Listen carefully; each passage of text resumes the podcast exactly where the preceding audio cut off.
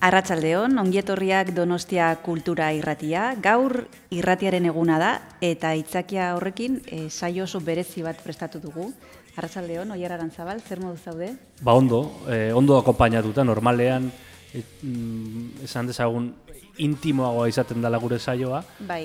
Baina gaur e, bueno, aitzaki hori probestuta, irratiaren eguna dela probestuta eta e, irratiaren eguna ospatu nahi dugula, e, beti ere hasieran esaten genuen aintzat hartuta beste ofizio denak ere bai, eh? gaur, gaur gure silborrari begiratzeko eguna da eta aprobetxatuko dugu jendearekin aurrez aurre egon eta jende interesgarriarekin hitz egiteko. Zuzen, Azteko, esan behar dugu hier, non gauden. Gaude altzako Tomasen eraikinean, e, bertako areta nagusian eta zuzenean ari gara emititzen iragarri genuen gauzaio berezia izango genuela.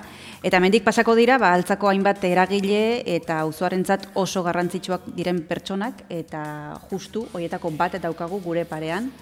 Arratsaldeon Susana Boste Bustero e, altza kulturetxeko zuzendaria. Zer modu zaude? Bueno, eh, plazerra da, ez? Beti izaten dugu, eta ez da sobera esatea, eh, jende interesgarriarekin izateko aukera daukagula eta irratiaren bentaja bat hori da, ez? Bai.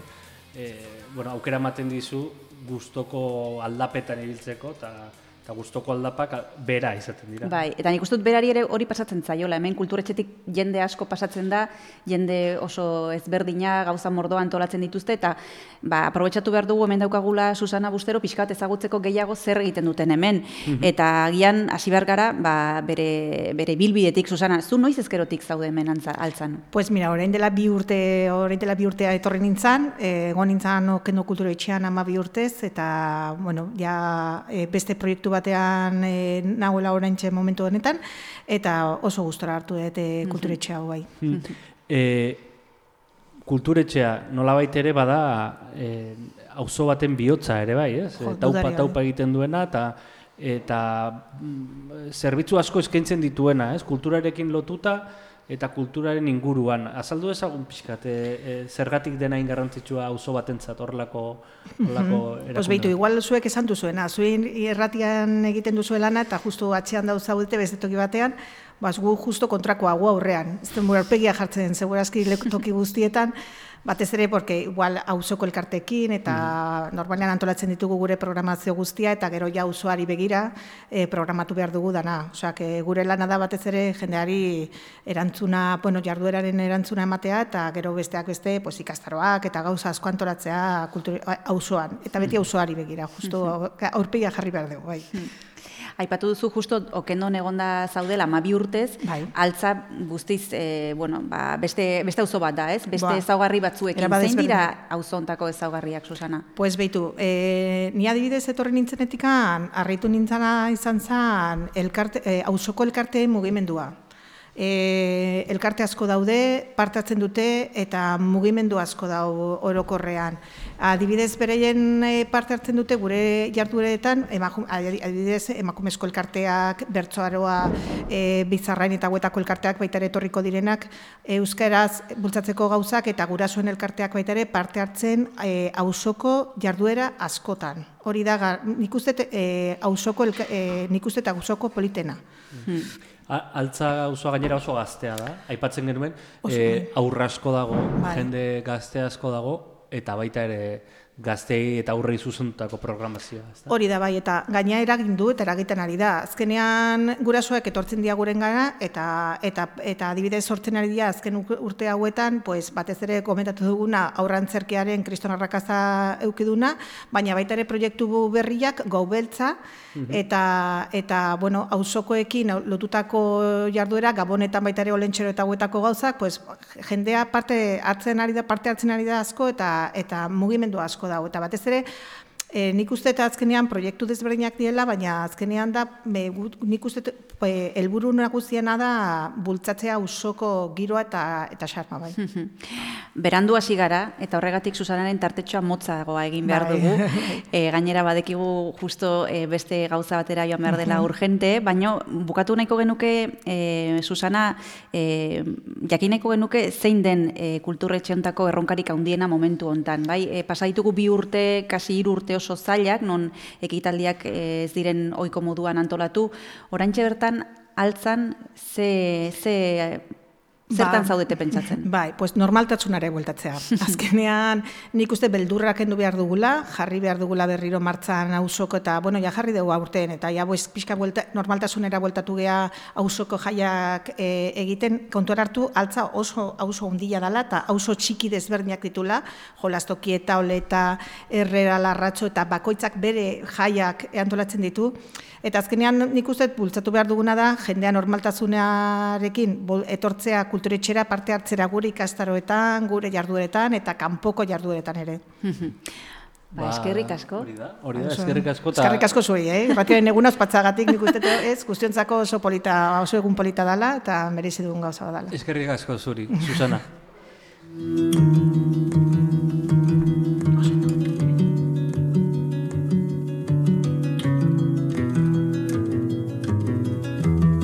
para agradecer lo extraño de simplemente ser un alma curiosa. Oso interesgarria Susanak kontatu duena oier bai. auzoaren eta kulturretxearen argazki bat eskaini digu Eta hobeto ezagutzeko proiektua, bertan lan egiten duen pertsona batekin hitz egingo dugu orain, Inko Martin, ez da berria izpilu beltzan, eta ez da berria Donostia Kultura irratian. Badak irratiaz, gainera. Bueno, norbaitek baldin badaki irratiaz, bera da. Asko daki. Eta, Asko daki. Eta, horregatik ekarri dugu guri ikastea tokatzen zaigu. Hori da. Inko Martinekin. Inko Martin e, irratigintzako ikastaroak eskaintzen ditu, badekizue hemen izan dugulako ba, pare bat aldiz, oker ez banago. Arratxalde Inko, ¿qué tal estás? Muy bien, muchas gracias por la invitación. Bueno, no es la primera vez que te entrevistamos, decíamos eh, al inicio, pero sí la primera en directo. Y bueno, aprovechando que celebramos el Día de la Radio, me gustaría preguntarte por si tienes en tu memoria guardado el recuerdo de la primera vez de algo de la radio. No sé si en tu casa eran de escuchar la radio o si a ti te eh, gustaba. Sí, en casa desde pequeño siempre, siempre estaba de fondo la radio. Igual no le prestaba tanta atención como debía de pequeño, pero sí que solía estar de fondo. Y primeros recuerdos, por ejemplo, en el baser de mis abuelos sí me acuerdo todas las mañanas los desayunos con la radio. Y luego ya como más prestar atención tal vez, pues no sé, pues 15 años así más o menos, escuchando Radio 3, las cosas que montaban y así, y cosas de esas sobre todo. Eh, hemos escuchado muchas veces, eh, bueno, eh, ese vaticinio de que la radio, la televisión se iba a cargar la radio, que la radio iba a desaparecer, pero hoy es el día en el que vemos que la radio está viva, más viva que nunca y además está evolucionando. ¿Cómo, cómo ves la radio en el siglo XXI?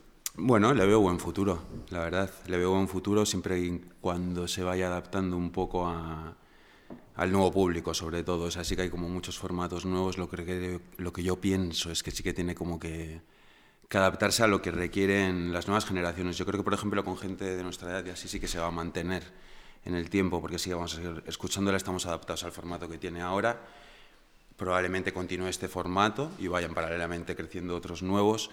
Lo que yo sí que pienso es que para las nuevas generaciones, tal vez el formato anterior no les engancha. Entonces sí que creo que hay que, que, variarlo, fijarse más en ellos y qué es lo que les puede gustar y enfocar un poco hacia ahí. Se puede hacer las dos cosas a la vez también, mm. pero sí que creo que es necesario hacer eso. ¿Escuchas podcasts? Sí, sí. Y tuve en contacto, que estás aquí en contacto, Inco, con público de todas las edades, porque como hemos dicho, impartes varios cursos relacionados con la radio. Eh, ¿Cómo les ves? Porque tú tienes eh, relación con desde jubilados que se apuntan para probar sin tener demasiada idea, hasta chavales que controlan un poco más, hasta críos muy pequeñitos. Eh, ¿Qué te encuentras? ¿Qué perfil de público se te acerca? Eh, lo que dices tú, eh, si es abierto a todos los públicos, pues puede ser muy, muy variado. Pero si van más referencias, por ejemplo, mañana tenemos uno con Plus 55, que se llama Mayorcetes. Y bueno, ellos la verdad es que lo, yo también lo encaro desde un punto de vista muy creativo, la radio, y lo acogen súper bien, o sea, porque es como una mezcla de literatura, mm. una mezcla de ficción, es como, entonces sí que les mola. Eh, luego, pues igual un poco más jóvenes también. Y luego los críos, para mí es fascinante cómo se enganchan, que yo creo que es una de las cosas que no se potencia mucho en la radio, darles la oportunidad de hacer cosas. Tú les das un cuento, les das unos efectos para hacer y, lo flipan. Y luego lo escuchan con su música, con sus efectos hechos por ellos, ellos narrado. y les gusta mogollón. Es igual un poco a lo que me refiero, que hay que dejarles un poco hacer más cosas, no hacerles como un formato de, de lo que ha sido infantil supuestamente, que a veces para mí es un poco ñoño o es un poco ya siempre igual, y dejarles participar más, porque también tienen cosas que contar y es súper interesante. Y creo que todo lo que se hace hacia ellos suele ser como muy muy encorsetado al final. Entonces, eh, la radio tiene, bueno, has mencionado la, la, literatura, tiene muchas cosas en común con la literatura, eh, porque mmm, nosotros cogemos el micro, contamos una historia, eh, traemos un, una persona, pero es el público, el oyente, el que termina la historia, ¿no? O el que termina en su imaginación eh, se imagina la persona, se imagina la historia, acaba de terminar. Para mí, o sea, la radio y la literatura tienen ese poder, que es el de la imaginación, el que te es como la televisión, la televisión tú ya ves, no te requiere tanta imaginación. La radio lo bonito para mí, al igual que la literatura, es que tú creas esos personajes y el que tú creas y el que yo creo, escuchando exactamente lo mismo, seguramente sean súper diferentes. Eso es súper bonito. Y luego la interpretación que tú vas a dar a una historia vas a dar a otra seguramente sean muy diferentes. Para mí, el nexo que tienen literatura y radio, pues es eso, es la imaginación, el potenciar la imaginación. Bueno, pues con Inco Martín tenemos la ocasión de potenciar nuestra imaginación, entre otras cosas, porque ofrece en sus talleres, como hemos explicado aquí muchas veces, pues un montón de posibilidades para todas las edades. Así que, bueno, dejamos esa invitación a cualquiera que quiera animarse. Además, Susana nos ha comentado antes, creo que fuera de micrófono, que va a haber actividades relacionadas con esto también en Semana Santa y fuera de los periodos del curso lectivo. Es que ricasco, Inco Martín, por haberte acercado a Ispillo Belza una vez más. Y feliz día a la radio. Gracias, igualmente. Venga, agur. Agur, agur.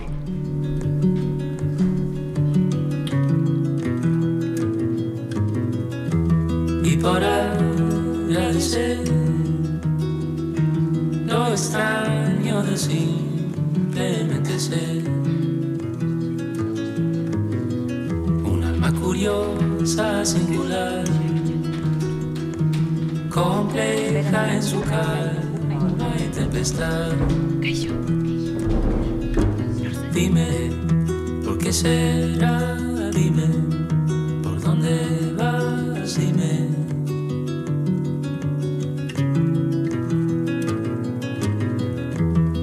El amanecer, cuando todo va a cambiar, todo de color. Jose Gonzalezen e, e, abesti eder honekin gatoz, e, hemen gaude, e, Kasare Eskulturetxean irratiaren egunean, irratia ospatzen, e, oberen egiten dakigunarekin, edo, bueno, saiatzen gara bintzat, irratia egiten, e, izpilu beltzean goizero-goizero, astelenetik ostialera, e, saiatzen gara donostiako kulturaren isla izaten, eta e, bueno, akaso egiten errepikatuko naiz, baina jende interesgarria ekartzen, inko jende interesgarria da, eta hemen maian bueltan daukagun jendea ere oso interesgarria da, Kristina. Oso interesgarria, eta nik uste dut e, norbait agian pixkat urduri dagola, baina bueno, orain saiatuko gara gauzak goxo-goxo egiten eta e, lasaituko gara, bai? Hemen daukagu, hemen ditugu gurekin Arantxa Ansa Zugarramurdi, Jon Mikel Zubeldia eta egi Noa Rodríguez Rey eta Lazne Jimenez Iribarren, beraiek e, Herrera ikastetxeko irakasleak eta ikasleak dira, eta ongi etorriak, lebiziko gauza zer modu zaudete? E, bueno, bai, ondo. Urduri. Ondo? Bai. Jon Mikel eta Lazne? E, oso ondo eta pizkat urduri. Ondo, hemen txoi primera. Mi mikrofonoak beldurra ematen duela? Ez. Guk ematen dugu beldurra, ezta? bueno, mikrofonora ohituta zaudete, ez da, kontatu pixka bat, zer egiten duzue e, zuek irratian neskak? Ba, bueno, ba, em,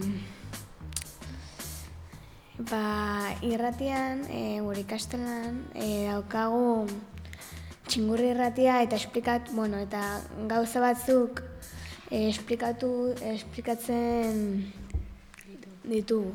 Uh Adibidez, alazne ze gauza esplikatzen dituzue zuen irrati saioan? E, ba, normalean, ba, e, adibidez, pues, txisteak edo e, telesaiei buruz edo horrelakoak asmakizunak eta horrela. Gustatzen zaizkizuen gauzen inguruan hitz egiten duzu. Bai, normalean bai. Eta zergatik da txingurri irratia? E, e, ba, errekaren gatik. Mhm. Bueno, hasi behar gara igual hasieratik oier eta kontatu behar Bai. dugu nondik datorren ekimena hau eta horretarako igual e, Jon Mikel eta Arantxa e, nola bururatu zitzaizuen ideia hau ba umeekin e, irratigintza e, lantzeko aukera, noiz sortu zen eta pixkat nondik abiatu zenuten ideia hau. Ba, duela lau urte edo, zuzendaritzan geundenean, ba, proposatu ziguten e, hizkuntzaren inguruko proiektu bat idaztea. Eta ikusten genuen, erabilpenaren alorrean ba, ba, beharra zuela ez, pixkat bultza bat emateko, beti, beti erlazionatze dutelako euskera ikasketekin, eta matematika eta gizarte eta guzti horrekin, baina gero eskola honen ezaugarrietako bada, kalera irteten dienean, ba, erabilpena gutxi duten dela asko. Eta irratia bazan, ba, beste eskola batzuetan ikusi genituen e, esperientzien arabera, ba, tresna bat, beraiek irakurketan hobetzeko, ulermenean, adierazmenean, eta batez ere motivazioan. Ba, asko motibatzen dielako beraiei sortzea, gaiak beraiek aukeratzea, txikiagoa direnean, noski ba, igual, gidoiak irakasleak idazten ditu, baina hauen kasua, ma, bosgarren, seigarren mailan edo, bueno, ba, beraiek aukeratzea daukate pixka bat, zeri buruz hitz egin, eta beraz, hitz egiten dutenean, eta irakurri, kasko batzuk jarrita eta mikrofono baten aurrean, ba, ilusio hori ikusten da, ez da, beraien e, begiradetan, eta motivazioan. Zuek irrati egiten dezue zu, e, lagun artean, ba, ni jakineko nuke zer entzuten dezuen. Zer da entzuten zuena normalean? E, podcastak, irratia, badago saioren bat, entzuten dezuena? Etxean? E, irratia. Bai? Ze, ze irratsaio entzuten dezue? Jartzen dutena telebistan. Bai. Irratia entzuten duzue. Noa, irratia entzuten duzu etxean? Bueno, nire amona, baina... Oso modernoa. bueno, baina, ba- badaude podcastak ere gazte, gazteon artean nahiko jendek entzuten ditunak. Eh? Bai, Eh, Hola, eh, in- influ, zenbait influencerrek badituzte ere beren eh, podcastak eta eta gazte jende asko entzuten ditu. Agian bateren bat zuek ere entzuten dezute. Bai. Bai. Utxune hori ere ikusten genuen, ez? Bai. Gaurko egungo gazteak ez dutela asko irratia entzuten. Kotxean doazenean gurasoak jartzen badute. Baina bestela utxune hori ere antzematen genuen. Arantxak esplikatu du, ba, hainbat eh, adinetako umeak parte, parte hartzen dutela, hainbat umeek hartzen dutela parte, Jon Mikel, e, noiz ezkerotik, ze maiateatik aurrera daukazue txingurri irratia martxan? Ba, lehen hezkuntzako taldei bideratua dago, orduan e, urtean sei saio ateratzen dira, eta gutxi gora bera, ba, gela bakoitzak dauka ba, hilabeteko tartea saioa prestatu eta aurrera ateratzeko. Ez? Ba, lehenengo mailakoak hasten dira, bos, noski asko irakasleak bideratutako gaiak edo izaten dira, eta ba, hauekin balantzen da asko, ba, irakurketa, idazmena, ez, askotan umeak batez ere irakurtzea eta gustatzen ez zaienak, askotan eskuan ibiltzen dira gidoiarekin, eta esaten dute, pues, eh, ez dut irakurri behar, edo ez naiz irakurtzen ari, eta irakurtzen ari dira, ez, da, titen dira nolabait, ba, lor akademiko horretatik, ba, pixka bat atera egiten dira, ez, orduan, pues, lehenengo maiatik, seigarren mailara, urtean sei, sei saio. Eta normalean ze gai ateratzen dira, beraiek aukeratzen dutenean, ze, ze aukeratzen dute? Ba, bueno, beraiei aukera aukera ematen diguna, ba, askotan mutilek kiroletara jotzen dute asko, normalean, bestela ba, youtuberren inguruko gauzak ere gustatzen zaizkie, da batzutan ba, guk bultzatu behar ditugu, batzutan ba, gaitxo batzuk hartzera, adibidez e, irulegiko eskuaren aurkikuntza egon zenean tokatu zitzaigun guri, eta horri eskaini genion ere saiotxo bat, gero ere albiste eroak asmatzea, eta azkenean horiek gustatzen zaizkie ez, mm aixialdiari. Eta zuek haunditen zen ezu izan, e, hori jakineko nuke e, haunditzean zein dan zuek egin nahiko zenuketen ofizioa. E, ba, ni igerilaria edo bestela aktorea edo. Aktore, Bai, pelikulan baten edo. bai. Eta noa? Ba, bai, e, irakaslea, Mhm. eta... mm, bueno, e, Bueno, irakaslearekin noikoa da, Bai. eh? Ja, nik uste dut. bai, jokei jokalaria ere. bai. bai. Gure ofizio ez da erresa, baina nahi behar ere bai, irrati esatari bezala, ja gaina praktikan jarri dezu zeuen irratian, zergatik ez? Zer da gehien gustatzen zaizuena? Tokatzen zaizuenean e, saioa egitea eta irakurtzea prestatu duzuena, eta ze, zer da gehien gustatzen zaizuena? Prestakuntza, mikrofonen aurrean jartzea?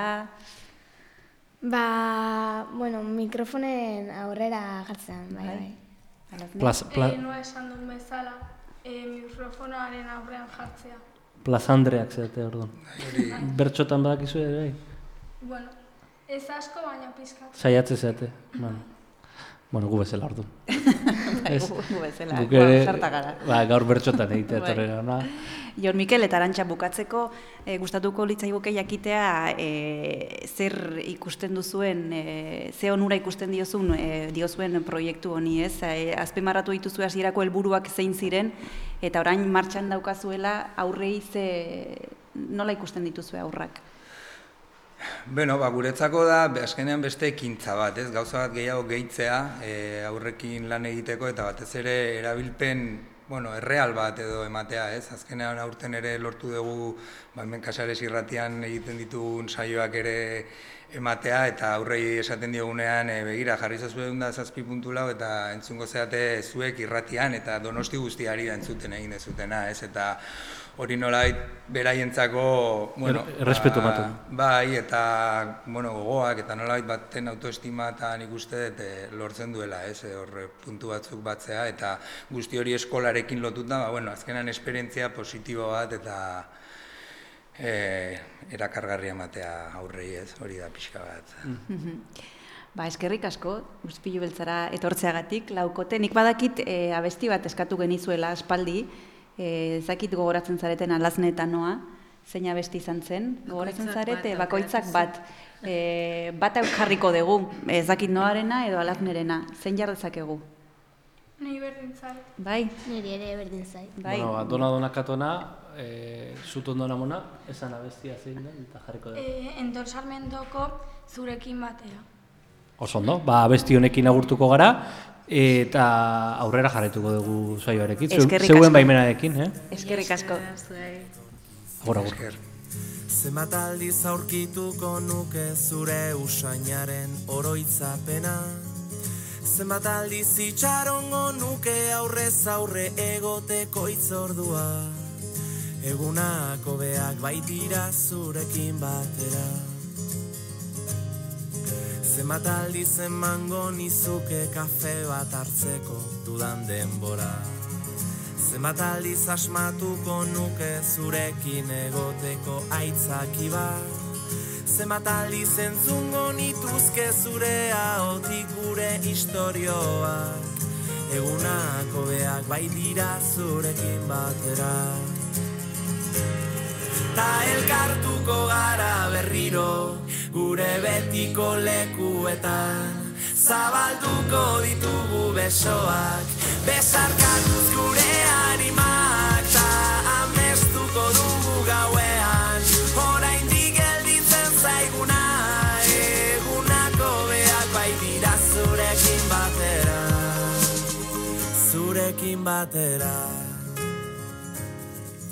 Zenbat aldiz ospatuko nuke behar dudanean zu hor zaudela? Zenbat aldiz ulertuko nuke zure begiradetan aholku bat Zenbat aldiz esango nizuke besterik gabe maite zaitu dala? Egunako beak bai dira zurekin batera. Ta lekuetan. Zabalduko ditugu besoak Besarkatuz gure animak Ta amestuko dugu gauean. Izpilu beltza berezia dugu gaur eskuartean, e, irratiaren eguna delako eta irratiaren eguna ospatzen ari garelako mm, zenbait protagonistarekin altzatik, altzako e, kasare, e, Tomasenetik, eta, eta tira, e, orain gara e, hitz egiten Noa Rodríguez Rey, Alazne Jimenez Iribarren, Arantxa Zazugarramor eta Mikel Zueldia Otairekin, eta orain salto bat egingo dugu e, ik, zenbait ikastaroren inguruan hitz egiteko. Bai, badekizu hemen e, Donostia kulturak hainbat ikastaro eskaintzen dituela eta guk ba, bi irakasle gomidatu ditugu. Marce Tena, jogako irakaslea eta Maia Oianeder ceramika irakaslea. Arratsaldeon zer moduz? Arratsaldeon. Arratsaldeon. Bueno, Yoga esaten duen ugunean, pixka bat, e, nik uste dut, ideia bat egin dezakegula, ez? Zeramika gero ikusiko dugu zer den hori, baina bueno, guatzen astera, e, marzerekin, ongirutzen baldima zaizue, e, jogako irakaslea. Azken urteotan, e, nik uste dut oso modan e, jarri den e, gaia dela, Em, zer eskaintzen dezuzuk, e, Marze, edo nork eman dezak izena zure ikastaroan, ezagutzarik izan behar du aldez aurretik, pixkat kontrolatu behar du, nola, nola enfokatzen dezuzuk? Ez, ez, ez. Edo zein, e, bakarrekan gouak euki behar dira, jo egiteko, bai, jende asko pentsatzeu, ba hori pentsatzeu.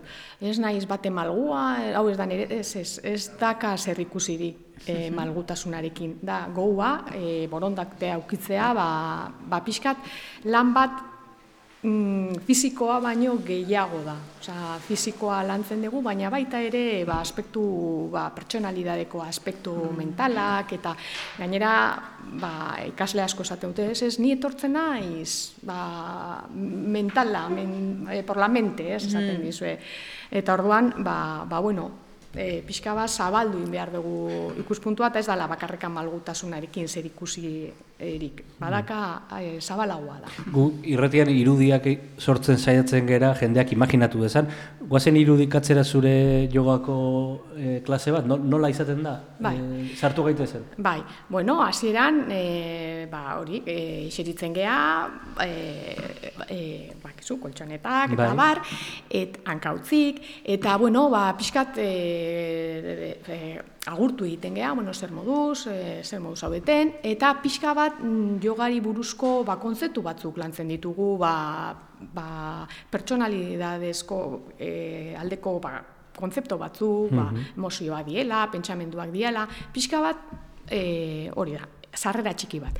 Gero jazten gea, arna sariketa batzuk eginez, kontaktu bat eginez, gorputza hori, gelditu, e, kontakto gure gorputza sentituz, eta hori, arna sariketak. Ondoren jazten gea asanak edo ariketak e, estiramenduak esango genuken edo, eta azkeni bukatzen dugu erlajazio mm, batekin. Marce, zeatik ustezu e, yoga horren bogan jarri dela e, azken bolaran? Ba, gero eta beharrezkoagoa dalako, ze gabiltza e, gizartean gaude demora guztian presaka, korrika, e, hausnarketari gabe, e, automatikoki askotan e, bizitzen. Orduan, askotan zentzurik ez diogu, izateko, baina ze zentzua daka honek, ez? Orduan, jogak eskatzen o eskaintzen diguna da, ba, gelditu, e, e, observa, ez? Ikusi zure pentsamenduak, e, aztertu pixka bat, e, hori da, ez? Orduan,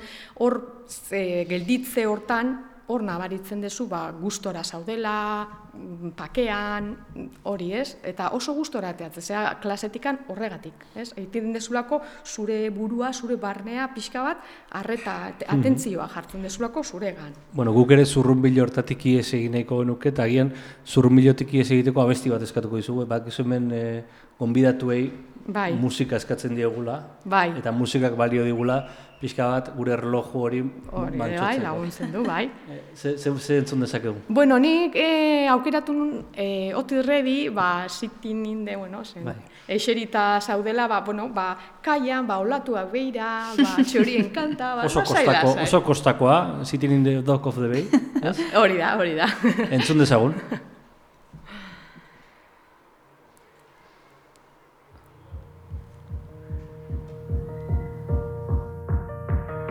Itzuli dira Udaberriko argizpiak Loiolako zeru gorriak Erdibana idatziko ditugun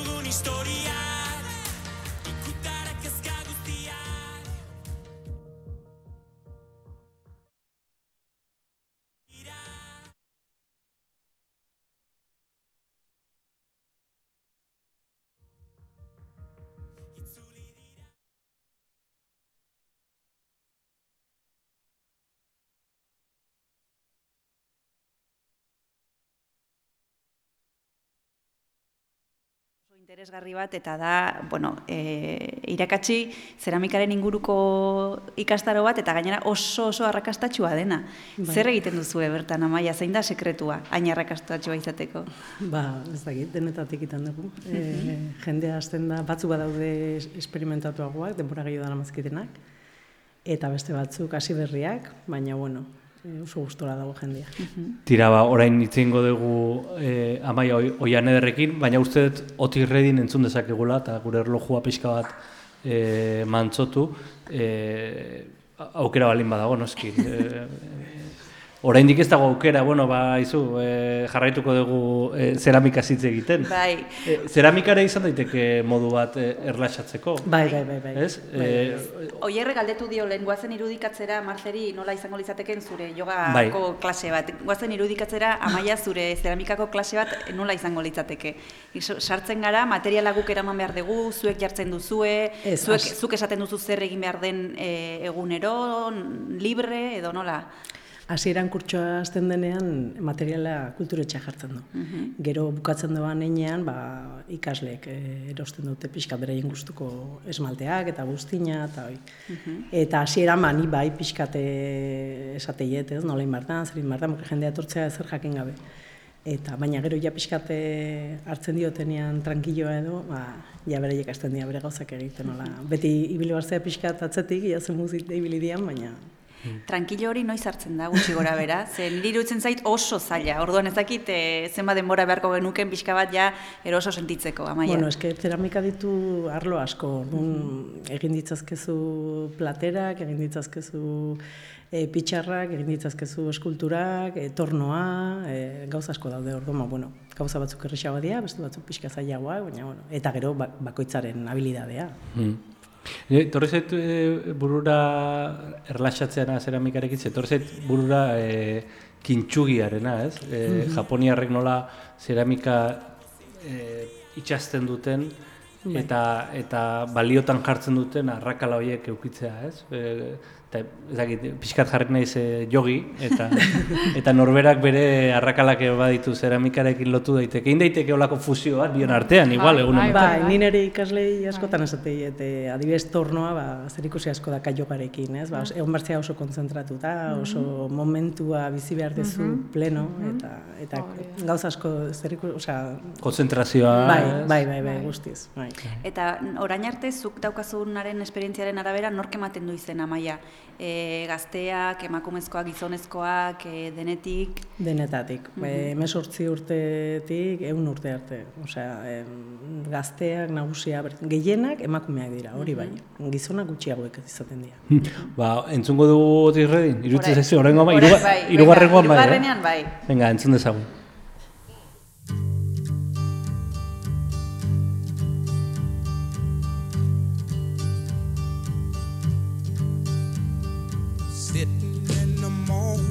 Sun. I'll be sitting when the evening comes. Watching the ships roll in. Then I'll watch them roll away again. I'm just sitting on the dock of the bay. Watching the tide roll away. I'm sitting on the dock of the bay, wasting time. I left my home in Georgia and I headed for the Frisco Bay. Cause I've got nothing to live for look like nothing's gonna come my way. So I'm just gonna sit on the dock of the bay, watching the tide away. I'm mm. sitting on the dock of the bay, wasting time.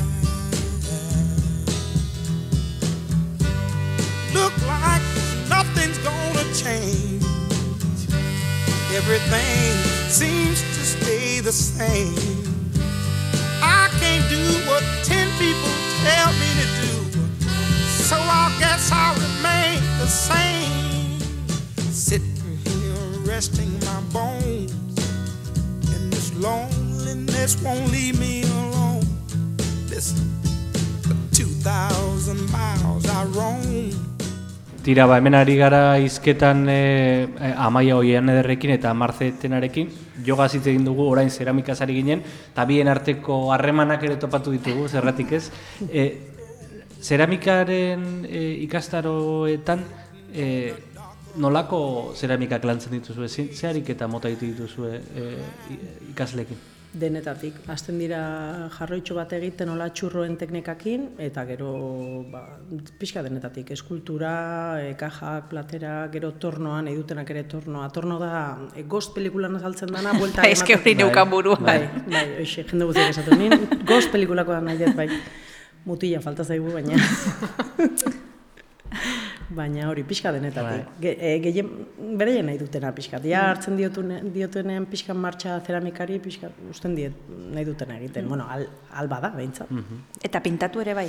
Esmaltatu. Bai, da, esmaltatu. Bai, bai, bai, bai, bai. Ni ondo torreko hola, zera, katillo bat gehiago, hola kafe hartzeko goizetan, guk kafearekin egiten dugu izpilu beltza eta goizetan. Bai, baina zuri ez dizut ikusten tornoarekin, eh? Ez. Peligro. Saiatuko nintzak, hola... Saiatu bai, baina gero emaitza ez dakit. Bueno, ni bezalako ateako, za. Bai, bueno. Hola, nahiko Libre, okerra. libre. bueno, e, tira, e, guazen ditultzera jogara pixka bat. E, aipatu dugu e, zeramika, aipatu dugu, e, aipatu ditugu gure arrakalak. E, arrakala horiek sendatzeko joga egokia da? Bueno, sendatu, bueno, bakoitza daukagun gure, bueno, berezitasunak edo, bueno, ez da, hori, da gehiago konturatzea, bueno, ba, konturatzea zer, ba, ba, behitu, hau, igual hobeto dezaket, nire pertsonalitatezko aspektu hau, ba, hobeto dezaket, o, ba, gehiago da konturatzea. Mindfulness, are- harremana dauka horrekin mindfulnessak? Bueno, ez da berdina, baina, bueno, zer ikusi, gehiago daka hori, konzentrazio lana dala. e, nik uste yoga zabalagoa da, asko zen. E, Marze, askotan e, pentsatu dugu, bueno, edo pentsatzen dugu, e, hau ez da guretzat behin probatu dugulako, ez? Ikusten dugu, e, pentsatzen dugulako edo nahi Bai. dugulako emaitza izatea e, inmediatoa, ez? hori E, da. eta batzutan ba, gauzak bere denbora e, behar dute, eta bueno, beste ritmo batera landu behar dira. Hemen ere, e, praktika da, e, ez, giltza, Hori. ez? Hori da. Mm, Hori, gertatzen zaigu hori da. Egiten degulako, astean behin, hobitan, ja, baina hau progresiboa da, ez? Ohitura hartu behar da, eh? E, askotan esate, bai, eske ni bakarrik arna sartzen dut, aste arte eta ostegunetan, klasetan.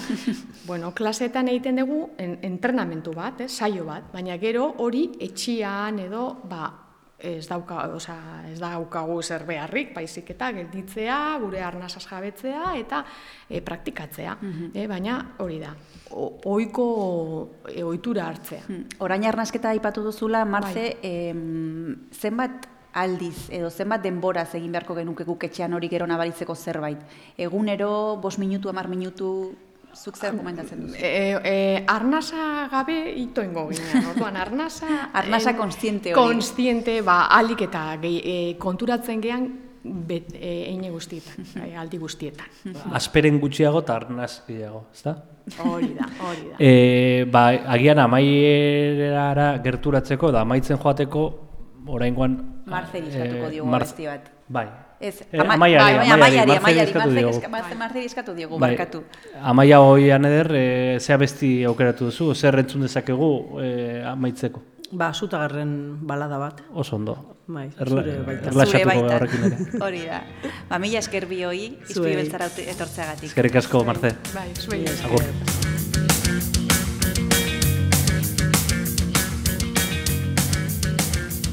Orduak etenik gabe badoaz Erlojuaren horratzen altzoan. Aurpegiko simurra gorde nahirik Denborak ez du atzera itzulirik.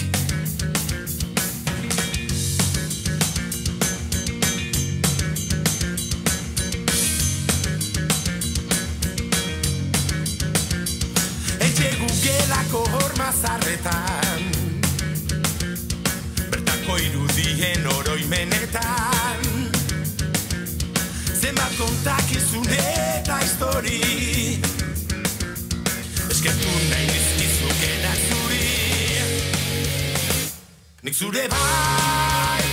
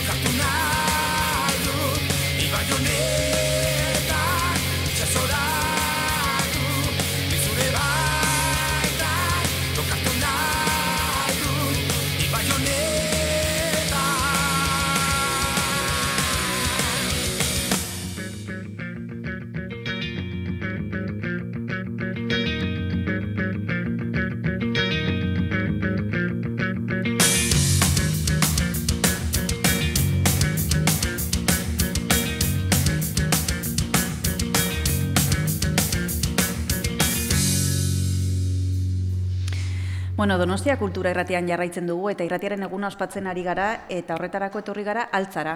Oier, Altzara, bai. Tomasenera, areto nagusian gaude, norbaitek nahi badu etorri, aukera dauka, zeatela zabalik dago. Bai, eta publikoari esan diogu isiliko goteko horretik ez duzu ezer entzuten. Baina Txaloa hemen daude. jotzen- Bai, txaloa jotzen hasi da, esan diogu, mesedez. oso, oso, fu- oso for...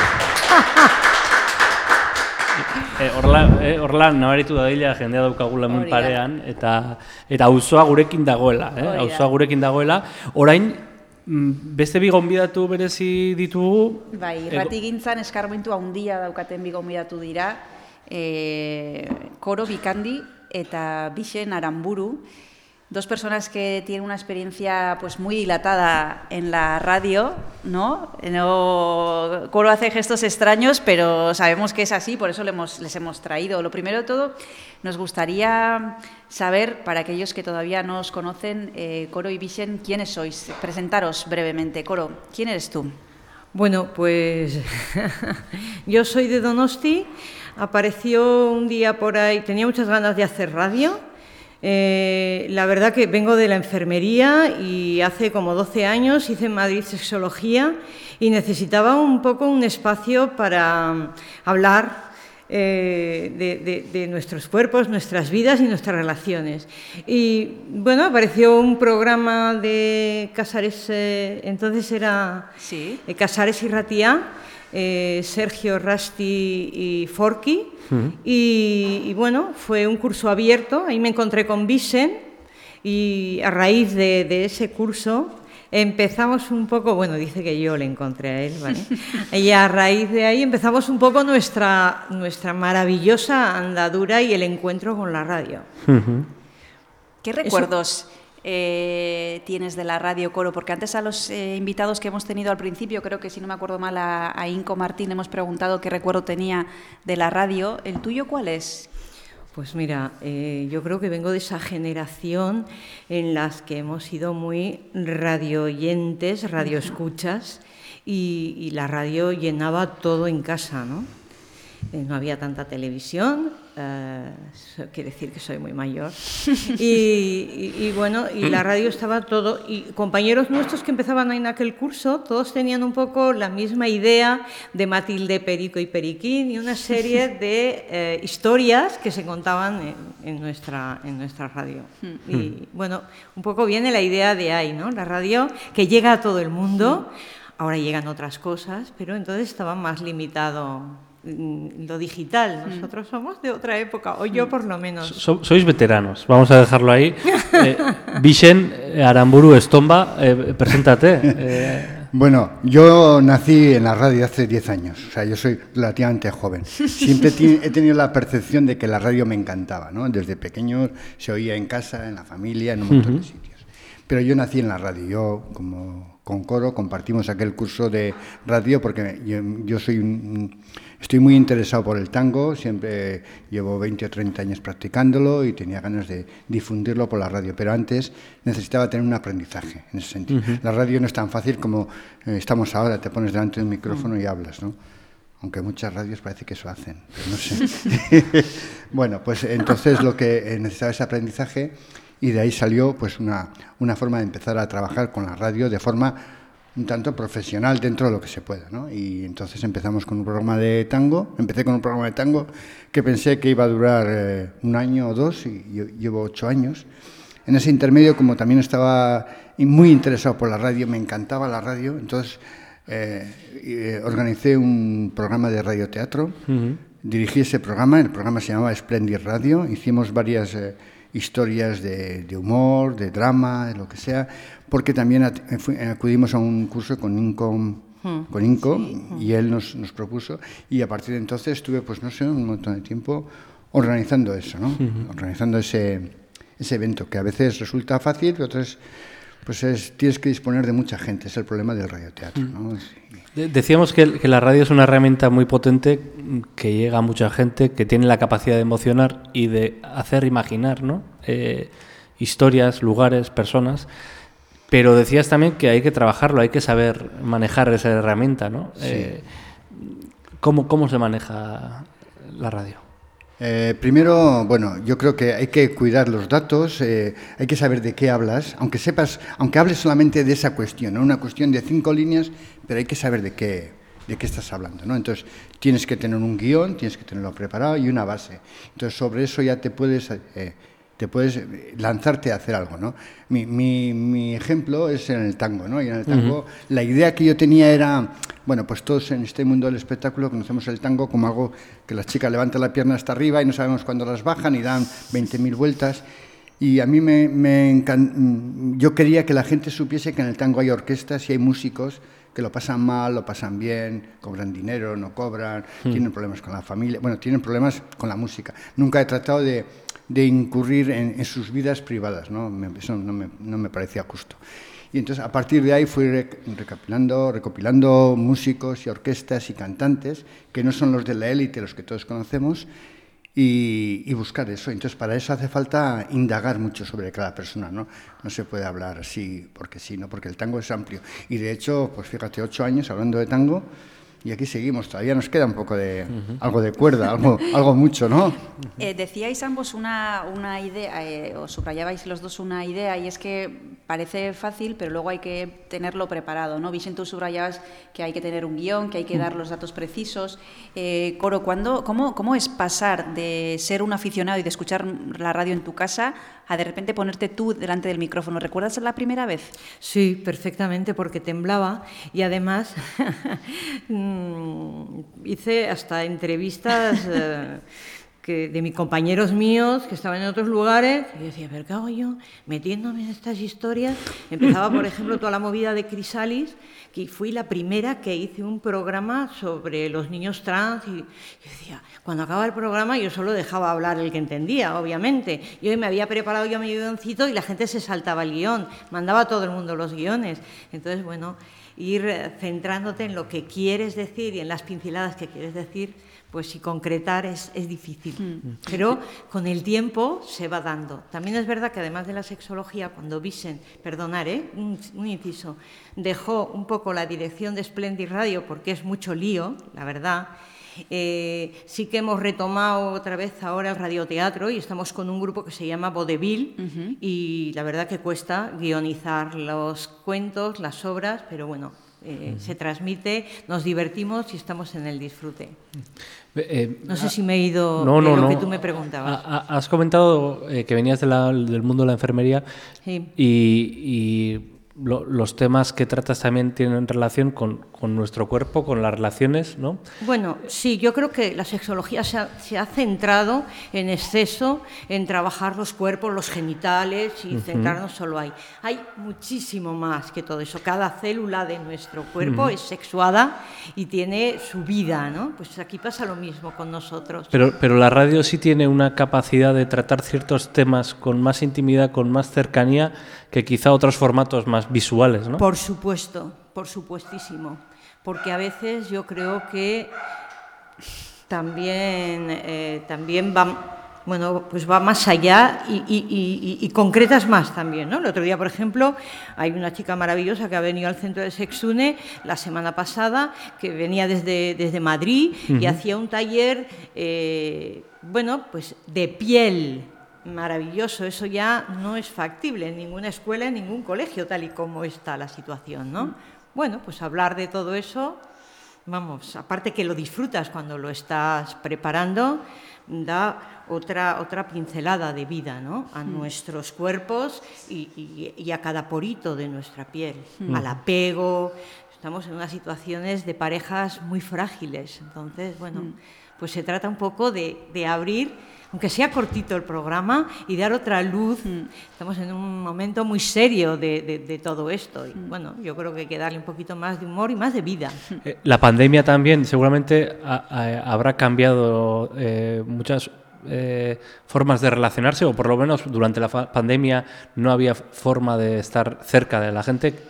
La radio también nos, nos daba, nos brindaba esa, esa oportunidad, ¿no? Efectivamente, efectivamente. La pandemia ha dejado a mucha gente muy, muy atada, pero también ha, ha crecido mucha gente ahí. Se ha, se ha leído más, eh, se ha abierto más un poco el mundo. No sé qué dirá Vicen. Tú habla por ti. Yo No. hablo por ti, no por. Está acostumbrada No estoy hablando por ti. ya, No, esto- no, no. Bueno, bueno, bueno, bueno, bueno, Yo quería, bueno. quería preguntaros a los dos, eh, decíais que es un disfrute preparar eh, cada uno vu- vuestro programa, pero también tiene que ser un disfrute cuando se acerca alguien que os ha escuchado y os ha felicitado porque le habéis descubierto un tema o porque le habéis propuesto algo que desconocía, ¿no? Y eso seguro que os ha pasado a los dos. Eh, Vicen, ¿cómo es cuando el público también ves que hay, que hay alguien al otro lado que te ha escuchado? Bueno, el público escuche a veces no dice nada, lo que pasa es que tenemos a nuestro alrededor un control eh, informático. En mi caso, por ejemplo, si están escuchando el programa Tango Sale, se escucha hasta en Buenos Aires, joder, un programa de tango se escuche en Buenos Aires, ya me vale, ya no quiero más, ya. Pero no solamente en Buenos Aires, me lo están escuchando en, en- en Inglaterra, en Francia, en Estados Unidos, entonces, joder, eso es una... Es un aliciente, ¿no? Es una cosa que te da más ganas de, de hacer cosas, ¿no? Entonces, bueno, para mí eso ha sido genial. Y aparte de los amigos, y los amigos, bueno, siempre te van a decir que está bien, ¿no? Nunca te van a decir. Pero para mí lo importante es eso, ¿no? La difusión que tiene a través del mundo y las posibilidades que nos da Donosti Cultura y Ratia para que eso se transmita no solamente aquí en nuestra Donosti querida, sino se transmita en todo el mundo, por medio del podcast o por medio de la, de la, de la web, ¿no? Entonces, bueno, eso es genial. Coro, en tu caso. Pues eh, yo la verdad, descubrir a otros compañeros, para mí, descubrir a Vicen haciendo el tango y, y ver cómo iba eh, creciendo en ese sentido y, y todo lo que aportó, me parecía, vamos, increíble, porque hemos, empezamos el camino como juntos y, bueno, pues el nivel de, de Vicen en todos los sentidos me parece pues un nivelón.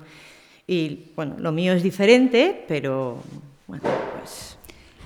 Antes ah, eh, hablábamos con eh, alumnos de, de, de Alza, eh, también les preguntábamos qué es lo que escuchan, porque eh, crear, ya sabemos lo que creáis, pero escuchar, ¿qué, qué tipo de programas, por, audio, podcast escucháis ahora?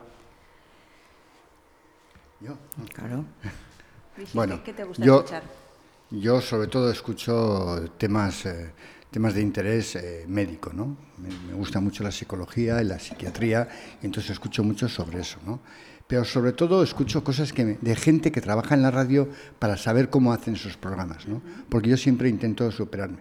La verdad es que, que a partir de esta radio, eh, de Donosti Cultura y Ratia, pues a mí me dio muchas oportunidades, ¿no? Porque después de esto eh, empecé a poner música en la calle. Y bueno, pues eh, en, en terrazas de, de la Concha, sitios así, y para mí era una nueva experiencia, pues salí bien, bien interesado. Y luego de eso, pues también fui sacando, eh, fui en otra banda, en otra radio comercial, me llamaron y yo voy a cuatro años ahí hablando de música, que no de tango, ¿eh? estoy hablando de música de, de, de- de cachondeo, de, bailar, de divertirnos, ¿no? Entonces, bueno, todo eso son experiencias. Claro, eso no queda aparte, uno tiene que escuchar. Para mí el podcast es muy importante, ¿no? Porque ves otras corrientes, cómo funcionan, porque, cómo hablan. Entonces hay eh, gente del ámbito musical que tiene, eh, tiene una capacidad increíble para transmitir, ¿no? Pero sobre todo a transmitir música es fácil, ¿no? Tú pones un disco, ya, ya suena, ya está, todos pichín pachán, todos a bailar.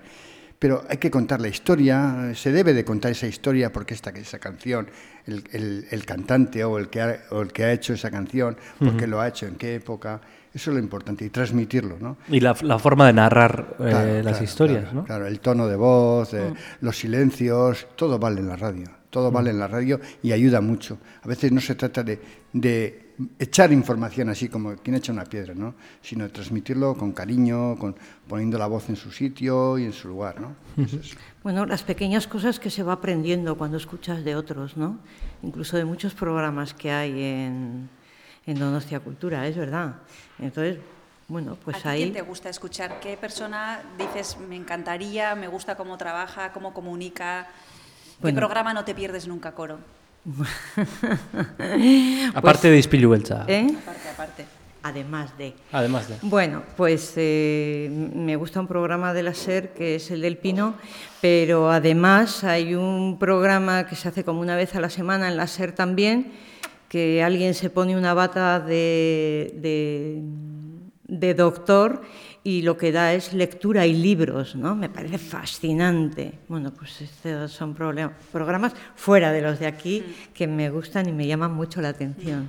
Y vosotros como creadores de contenido ahora, ¿tenéis en la oreja un poco más afilada y estáis ya cuando escucháis pensando en, mira, esto me serviría para mí o esto se hace de esta manera, fíjate cómo lo ha hecho? ¿Y Mm. estáis ya con la oreja en ese nivel? Sí, yo, yo, yo por lo menos sí, me sirve muchísimo. Claro. Muchísimo. Sí, sí, por supuesto.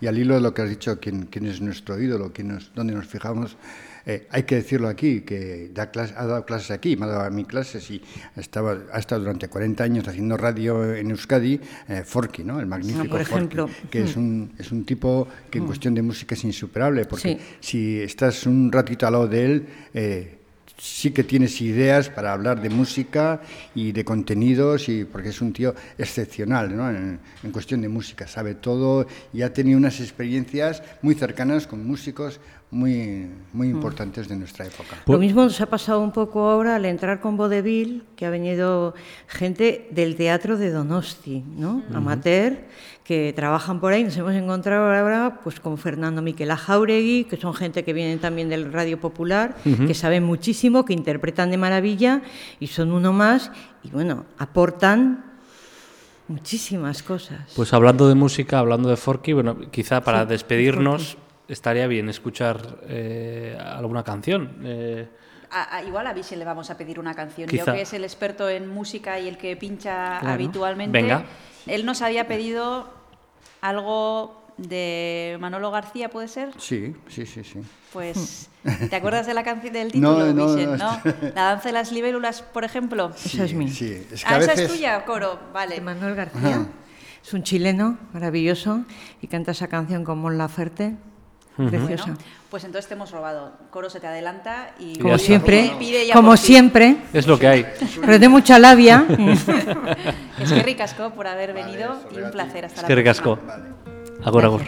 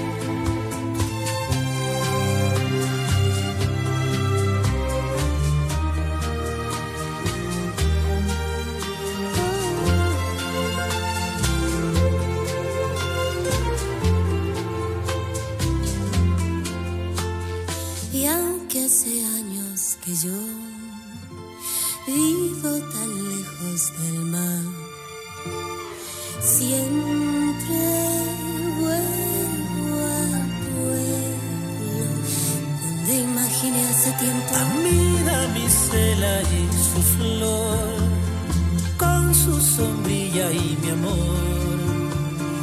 Damisela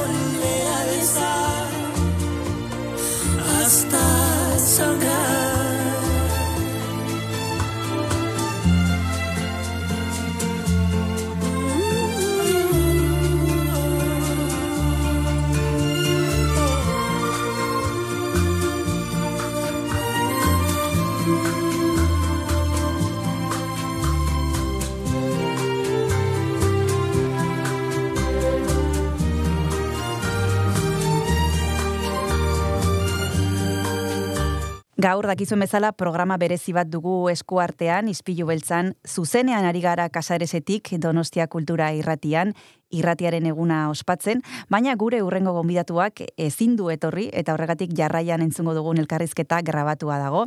Irratiari buruz hitz egiten ari gara eta profesional baten ikuspuntua ere nahi genuen eduki.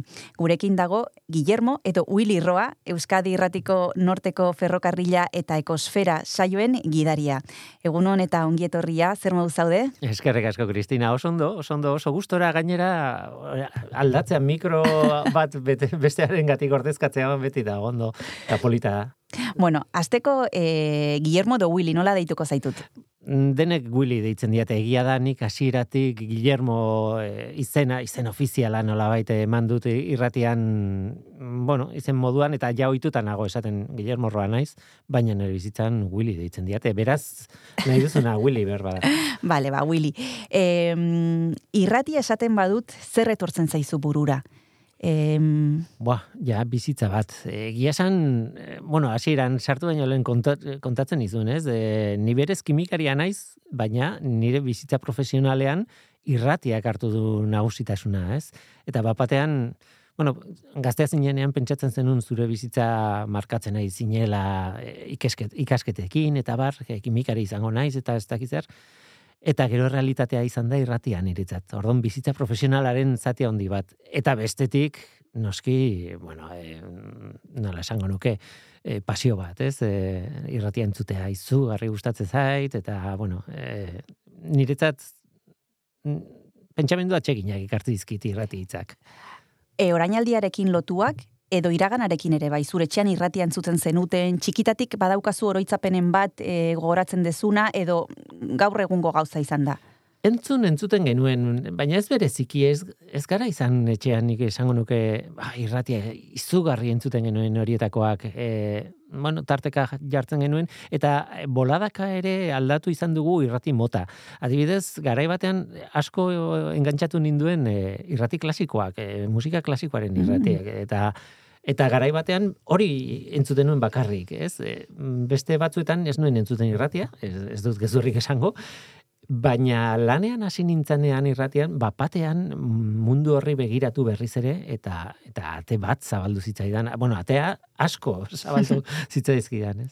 Bueno, aipatu dugu kimikaria zarela berez, e, eta goazen pixkat errepasatzera zure ibilbidea. Ikasi zenuen e, karrera, eta gero zer gertatu zen, nola bukatu zenuen irratian? Mm. Karrera e, ikasi eta gero tesia ere egin nuen mm doktoretza eta doktoretza bukatu eta bueno, kontua da ikerketa egiten duzula hor eta hor daukazun bide naturala nolabait esateko da ikerketan jarraitzea, ez? Ikertzaile profesionala izatea. Ez nintzen oso ona ikertzaile moduan. Gustatzen zitzaidan eta nire tesia oso ondo ateratzen. Eta hala ere, bueno, eingo nuke, baina beste aukera batzuk ere bazeuden eta ordan ez nuen niriki bide hori erabaki nuen hemen gelditzea, normalean kanpora eta mm. etzen dialako ikertzaileak, eta mm, hilabete gutxi pasata, tesia bukatu eta hilabete gutxira, e, Eluiar Fundazioan, Eluiar Elkartean gara hartan, e, sortu zen aukera, postu bat divulgatzaile izateko. Eta, bueno, hori bai barruan neukan, ez, e, oso Asimov zalea, oso Carl Sagan zalea, e, divulgatzaile asko irakurrita eta hola, eta, bueno, gustatzen zitzaidan divulgazioa. Eta ordan eluiarren hasi nintzen, eta eluiarren gerora, urte batzuk geroago eman ziaten aukera, bai, irratiko esataria izateko. Eta gogoratzen duzu lehenbiziko egunura? Irratian? Bai, bueno, hasi ginen irratian eh, egia esan e, gonbidatu bezala zintiako gaiak kontatzen eta bar eta eta bueno, mm, egun horiek, bueno, gogoratzen ditut gutxi gora bera. Baina nik gidatutako lendabiziko programa gogoratzen dut e, bertigo askorekin eta esfortzua egin genuen asko, e, genuen pluralean nahi naiz, nagore rementeria nirekin batera hasi zen e, irratsaioa egiten, Eta lehenengo irratsaio horren ostean, etxera joan eta bada momentu bat ez zure ipurdiak sofarekin kontaktu egiten duen, eta orduan neke osoa etorri zitzaidan, sekulako tensioa izan nuen egun horretan, eta orduan eserintzanean sofan, lerregina bukatu nuen. Osea, banengoen oso oso tentsionatuta. Oso emozionantea zen, mm, oso gaizki egin genuen e, iterratxaioa, ze oso, oso nobatoa ginen, oso txarra ginen, eta, eta demoraekin ikasten da. Mhm. Baina baita ere segulako ilusia gogoratzen dut. Eta zer da e, irrati, o, zein dira irratiaren e, abantailak e, gaur egun, ba, internetek dena aldatu du eta ematen du ba, bueno, e, modu pila daudela informatzeko e, bere garaian telebista sortu zuenean esaten zuten irratia hilko zela, e, telebista hilko zen beste urrengo gauzarekin, eta eta azkenean hemen gaude ez. E, zein dira abantailak edo zuri ze gustatzen zaizu irratitik? Nik esango nuke, em, bueno, batetik beti gelditzen diala formatu gehienek irauten dute denboran, em, bere neurrian, nola, uh egia da, telebista etorri zanean, irratiak e, bueno, galdu zuen tokia, nola baitez, hori argi dago, baina etzan desagertu eta behar bada beste bide batetik jo zuen, ez? Eta gero nik esango nuke, eh, e, eluiarren bertan lan egin izan dut reportari bezala eluiarrek berak ete berentzat egiten duen telebistako programa batean ere bai. Mm -hmm. e, teknopolis izena du, eta teknopolisen erreportari izan nintzen sei urtez, te, erreportari eta, eta grafista baita ere pixa bat. Eta kontua da, em, bueno, bi medioak ikusi ahal izan nituela barrutik. Eta ardun, aldea, zein da irratiaren abantaila hori zentzure galdera, ba, irratiak e, transportatzen zaitu, eramaten zaitu, segituan klik, bate, eh, klik batean, ez, e, instant batean, e, nahi duzun tokira. Telebistan behar dituzu irudiak, behar duzu testu ingurua ondo erakustea. Tar, irratian ez, esaten badizut, bueno, oazen Jupiterrea. Jupiterren gaude, ja. ez, eta, eta bueno, itzegin dezake. Ordan, Mm, bueno, irudiaren faltaren desabantaila dauka, baina aldi berean, e, bueno, sormena buruan e, sortzen duzuzuk irudi hori, eta hori abantaila bat izan daiteke. Oraintxe bertan jarraituko dugu Willy Roarekin hitz egiten, tartetxo bat hartuko dugu eta segituan gara bueltan.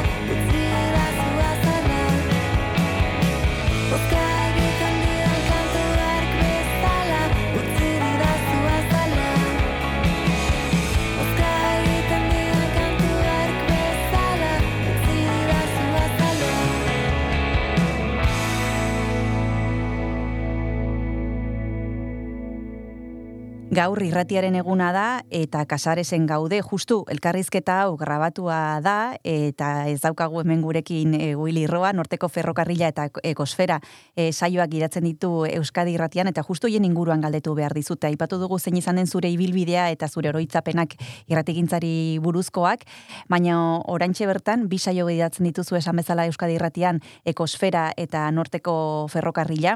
Kontatu zu pixka bat e, zeri buruz e, den bakoitza. Hmm.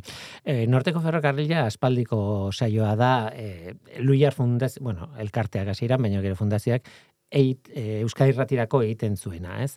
E, eta orduan e, ni baino lehenago hainbat esatari izan ziren, pilikaltza da ontzan, gero lurde sansa, gero hier araolaza, eta, eta momentu batean, ba, nagore rementeri eta biok sartu ginen egitera, eta nola baitzen tradiziozko, divulgaziozko irratsaio bat e, luiarren, ez? E, bertara joaten ginen, e, Euskadi Ratira joaten ginen grabatzera, joaten gara, grabatzena, joaten naiz orain, eta e, gaia zientzia divulgazioa da.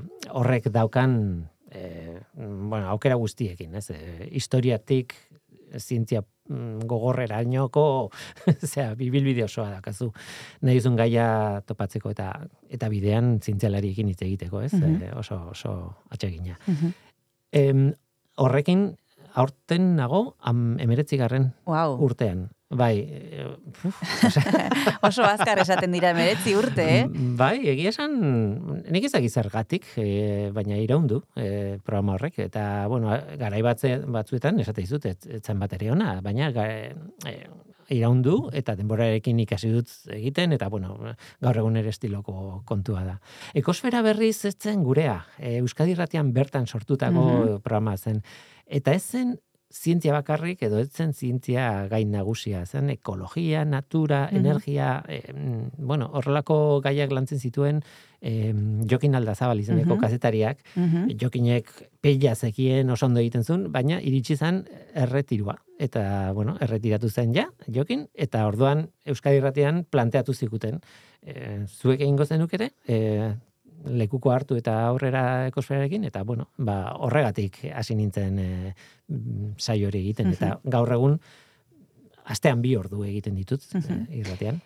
E, divulgazioaz hitz egin behar dugu orain Willy. E, ze garrantzitsua den divulgazioa azken bi urteotan edo hiru urteotan, e, bueno, pandemiak jarri du erdigunean e, zientzia eta nik ezakit e, mantenduko dugun e, tendentzia hori, ez? E, jarriko dugun beti ere zientzia erdigunean hemendik aurrera ere ematen du. Justo e, orantxe bertan hasi garela zientziari buruz hitz egiten, ez da zuen kasua, baino bueno, e, jendearentzat behintzat eurokorrean e, teleberrietan, e, gaur egunetan, lehenbiziko albistea egunero, egunero, egunero e, izatea txertoak, e, bueno, hainbat gauza ez, orain arte eduki ditugun bezala, e, nola pentsatzen duzu izango direla datozen urteak eta nola ikusten duzu eman diogun e, tratamendua komunikabidetan e, zientziari? Nik esango nuke ez dela pandemian bakarrik izan, eh? E, ni adibidez ikartzailean nintzen garaian, tesian negoen garaian, em, oso zientzia gutxi zeon, baina bazegoen ja e, komunikabidetan, e, behar bada ba, astronomiako kontuak, eta kontu puntual batzuk, eta medikuntzako kontu bat, osea, lehenengo trasplante ez Hmm. zerrena, ba, horrelako albisteak oikoak ziren jagare hartan. E, eta pixkanaka e, bueno, ugaritu den e, informazio mota bat izan dela. E, kontzientzia hartu du dute albistegiko, e, albistegitako jendeak hori ere sartzen dela e, informazioaren artean nola baitez. Mm. E, ez dut inoiz Ez dut uste inoiz izan duenik e, kontrako jarrera bat, e, Mm. zientziaren kontrako jarrera bat. Behar bada garrantzi gutxiago ematen zitzaion eta orduan urriagoak ziren edukiak, baina bueno, e, denborarekin ugaritu dira. Mm. Egia da pandemiak ere bapatean horren beharra edo azaleratu duela, ez dakit nola esan, ez? Mm. Deno ginen kezkatuta edo, e, e, txertonek nola funtzionatzen du, ez? E, ez dakit zer, e, Baina atzera egiten badugu behar bada em, IESarekin adibidez gauza bera gertatzen zen, naiz eta beste esango nuke beste eskala batean, baina baita ere denok jakin nahi genuen virus batzen edo ez, Hmm. edo em, eragiten zigun gizartean eh, hainbat tokitan oso oso indartsu, eta ordan bueno, eh, beharraren poderioz nolabait e, zientzia divulgatu izan da, ez? Hmm. Gero daude beste gauza batzuk anekdotiko guak, ja, nahi bazu, niretzat eta ni bezalako jende bereziarentzat eginak, baina, baina beti egon da. Hmm. E, nik uste dut hemendik aurrera e, jarraituko dugula gora berekin. Hori ez, ez dut uste lineala izaten dela inoiz ez, ez? E, osea, ez da, hemendik aurrera beti izango dugu zin, mm, ba, etorriko dira garai hobeak, garai okerragoak.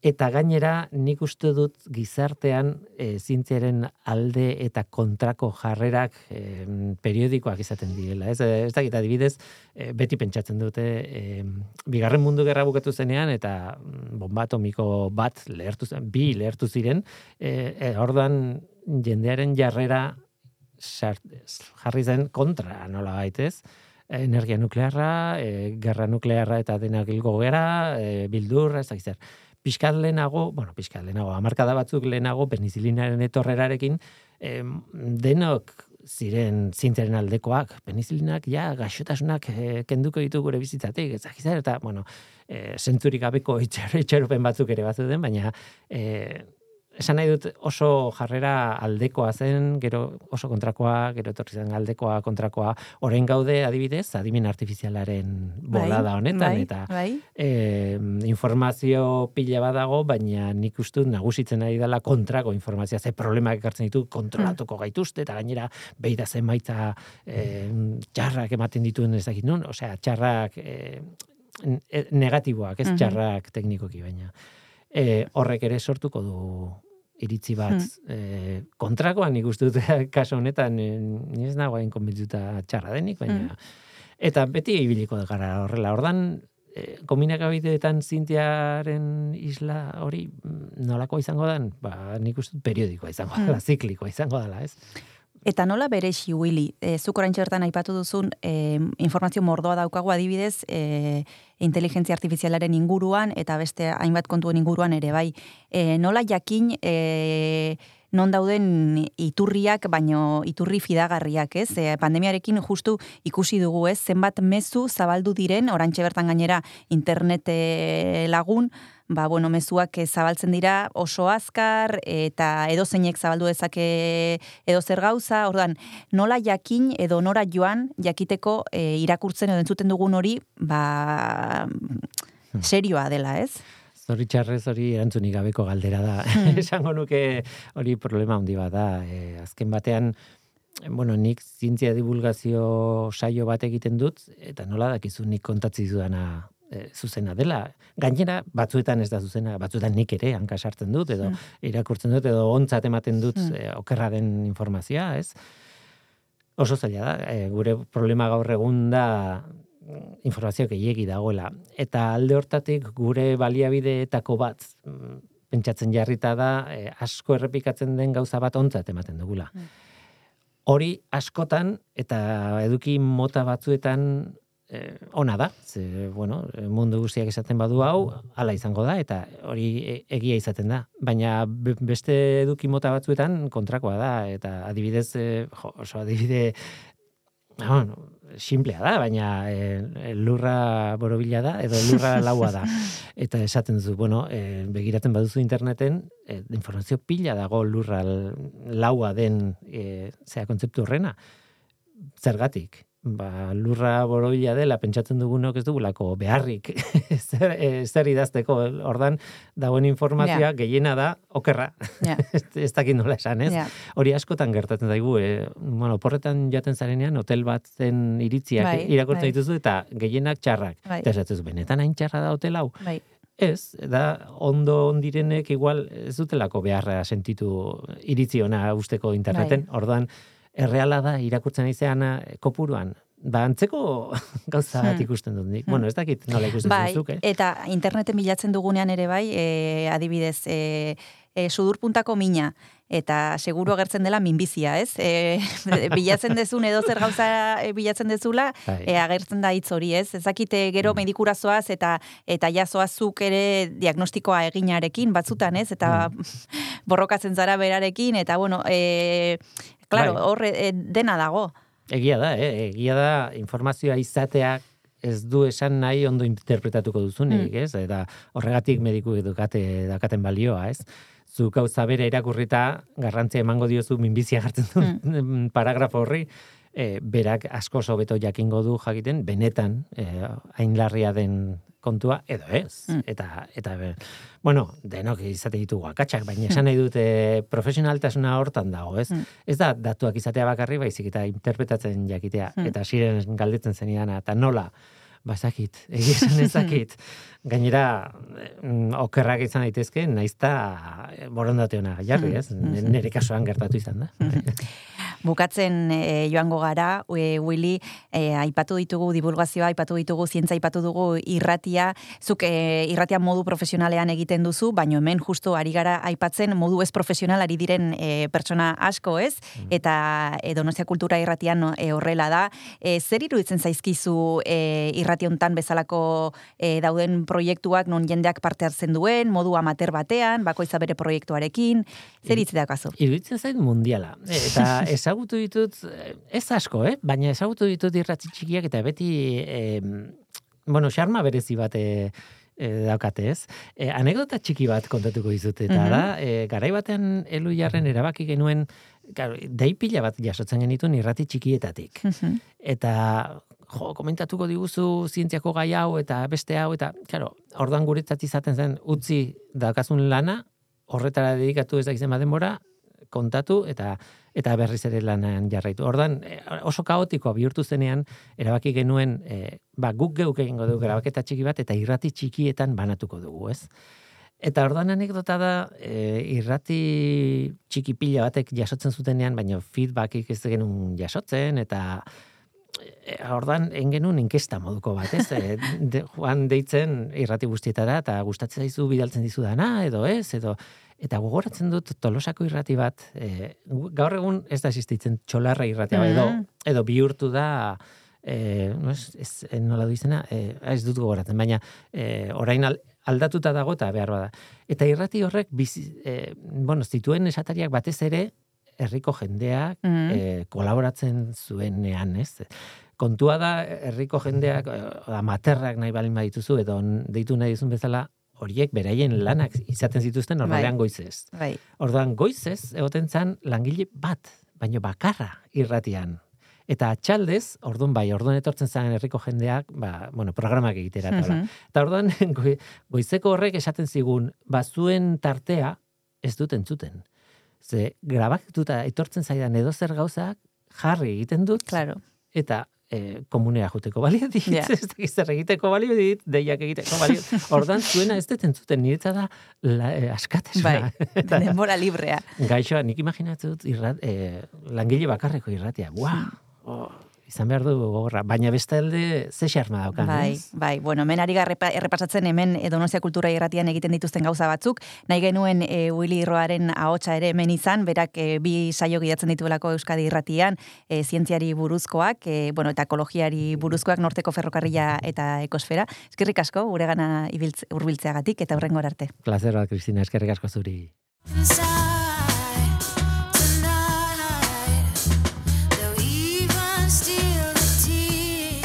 Tira hemen gaude eh, irratiaren eguna ospatzen eta Willy Roa eh, entzun ostean, ba, bagatoz liburuen inguruan hitz egitera, ostiralero, ostiralero izaten ditugu gure saioan, izpilu beltzean, eh, izpilu beltzaren parean, liburu zainak, mm, beti astebururako gomendio batekin bezapean. Bai, oso sekzio polita egiten dute eta e, kontxi iza ez da inoiz etorri. Eta orain hemen daukagu gurekin Animatuko bat dugu. ekarri du, mentxe dauka mai gainean. E, Arratsaldeon, kontxi zer moduz? Arratsaldeon. Arratsaldeon. Ondo? Ondo, urduri xamar esan dizuet, baina bai, ondo, ondo. Bueno, bintzat, lehenengo pausua eman dezu, ja, gurekin eh, liburu bat gomendatuko diguzu, gurekin egingo duzu alako eh, atal bat, eta hemendik aurrera erresago izango da. Bai, urrengorako ja lehenengo pauso eman da dukat, eta hemendik aurrera erresago izango dut, bai. E, tira, e, liburu zain, e, nondik e, sortu zitzaizun no? e, liburu zain izateko aukera? ba, ni berez ikasketaz, ikasketaz e, biologoa naiz, biologia ikasi dut. Ah. Baina, bueno, ba, pues hori, bizitzak e, ekartzen dituen gauzak, ba, azkenean e, liburu, liburu, liburutegi buruz, edo bibliotekone- bibliotekonomiari buruzko ikastaro bat egin nun, e, pasa ditut urte asko e, ba, liburutegitan lan egin gabe, eta orain aukere izan dut, eta altzako liburutegia, pues, orain dela bi, bi urte terdi edola e, nago, eta oso pozik, eta oso kontent, eta lana asko gustatzen zait. Egia esateko oso, oso gustoko lana dut. Zer da gehien gustatzen zaizuna lan hontatik? Kontxizu biologoa izan da eta orain hemen liburuen artean zer azpimarratuko zenuke? Ba, guk, osea, liburu, liburu zainak e, liburua zaintzen ditugu, oie, ba, hitzak esaten du, ez? Baina e, zaintzen, zaintzen, liburua zaintzen ditugu e, jendeari e, ez daki kultura eta e, jakintza e, kudiatzeko edo zabaltzeko. Eta pues, hori da gehien gustatzen zaidana. Azkenean ikustea gure lana, gure lan tekniko, teknikoak balio dutela e, jen- jendeari laguntzeko edo jendeari informazio emateko, jendeari ez dakit, bere e, denbora librean ez, ondo pasatzeko, historiak irakurtzeko, e, e, hori da gehien gustatzen zaidana, jen- jendeari zerbitzu bat ematea. Bueno, biologia ikasi, e, bi, biologian lizentziatu, eta autoespen naturalez, amaitu duzu liburutegi batean lanean, Bai. Eta e, suposatzen dut jendeari irakurgaiak gomendatzen, ere bai, ez? Hori Bai, da lanetako bai. bat hori da. Bai, bai, azkenean e, jendeak eskatzen digu eta e, batzuten eskatu gabe baita ere e, olako lan egiten dugu. Horregatik gaur ekarri dut, e, pues, gomendio bat, liburu bat gomendatzeko ekarri dizuet. Zer ekarri duzu, Kontxi? Ekarri dizuet El Polako. Jo, ez dakit hau izena ondo nola pronuntziatzen dan, uste gotzi dela. Mhm. E, da e, amodio historio bat. Amodio historio bat, baina baita ere e, aus, e, amodio historio honen atzekaldean aurnaske- arnas- e, hausnarketa bat e, ekartzen digun historioa. Da, e, bi pertsonai oso desberdinak, adin desberdinetakoak, mundu desberdinetakoak, eta azkenean amodio bat, e, amodio historio bat sortzen da, eta amodio historio hau biek oso era desberdinean bizitzen, bizitzen dute, ez dakit nola esan. E, dakagu e, adin, adinez e, larogei urte inguruko gizon bat eta berrogeita hamar inguruko emakume bat. Batentzat i- amodio historia oso, oso erromantikoa da eta besterentzat e, amodio historia hau oso, oso ez dakit, e, realista edo ra- errazionala da. Oso, oso desberdina bizitzen dute e, biek. Eta horregatik gustatu zait, ez dakit, oso e, haus- hausnarketa, hausnarketara eramate, eramaten gaitulako. Betidanik gustatu izan zaizun liburua, duela gutxi deskubritu duzu, El liburu hau e, orain dela gutxi idatzi da, osea, e, liburutegian ditugun e, e, normalean hilabetero ateratzen ditugu liburu berriak eta ordun hilabete honetan atera dugun e, berri hoietakoen bata. Aha. E, ore- berria da, orain 2022an idatzetako liburua da. Ordun irakurri dut eta gustatu zait eta ordun horregatik ekarri dut e, gaur e, saio saio honetara. Mhm. Horra, e, gomendioa, el polako, e, kotzi esan duzu, ez? Hori da, hola, uste dut esaten dela, ez nago ziur. okurtu zait, egin dezakegula saio bat, gaizki ahoskatzen ditugun e, idazle ezagun haundien inguru. Bai, e, bai. e, Bueno, joko, amaituko. jo- joko emango luke e, kontuak. Bai. en, gomendioak aipatuta, mm, nola gidatzen zara persona bati gomendioa ematerakoan, ze ohituta gaude liburu dendetan bai, ba, ia farmazia bezala funtzionatzen duten liburu zainetara, ez? Baina liburutegitan nola izaten da? Nor, normalean, e, galdetzen diozu pertsonaria behar zen, zen motatako irakurketa gustatzen zaizkion, eta gero ba, guk irakurritako edo beste pertsonek e, emandak, guri emandako gomendioak, ze azkenean gure erabiltzaileak baita ere guretzako e, gomendio iturri bat izaten izaten dira. Orduan, azkenean, e, beraien gustuak ikusita edo galdetuta, eta guk dakagun informazioa e, ba, bi, bi, bi zea hoiek, bi ardatz hoiek e, elkartuta, ba, saiatzen gea liburu bat aurkitzen edo liburu bat gomendatzen. Tira, ba, gomendio honekin bezapean, agian, e, bai, joango gara, e, joango gara, Eta esango diogu kontxiri eskerrik asko, liburuak hartzeagatik eta bera ere etortzeagatik. Eskerrik asko Eskailerak zuei. bajatu egin dituzu soilik, ez? E, ara, e, kontxiren kasuan oso erresa zeukan etortzea gure gana, zegoiko solairuan e, dago liburutegia, eta hori, esan bezala, el polako apuntatu dugu, eta horrengora arte mila esker kontxi. Mi esker zuei. Agur, urrengo arte.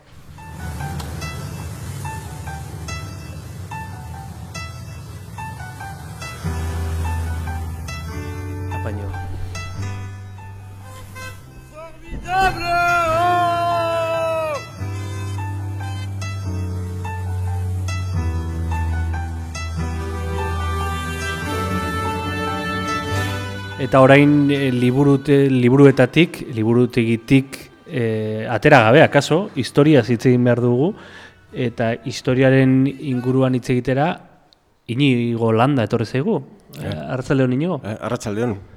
Bueno, esan behar dugu altzako historia mintegiko kidea dela bera, eta gonbidatu dugu jakiteko gehiago ba, ekimen honen inguruan altzako historia mintegia altzatarrentzat oso ezaguna da, hainbat proiektu dituzte eskuartean, hitz egingo dugu hoien e, artean ba, igual nabarmenduko genuke altzako tokiko bilduma, inigo, Mm, baina bai. igual hasteko kontatu oso labur zer den zer da altzako historia mintegia.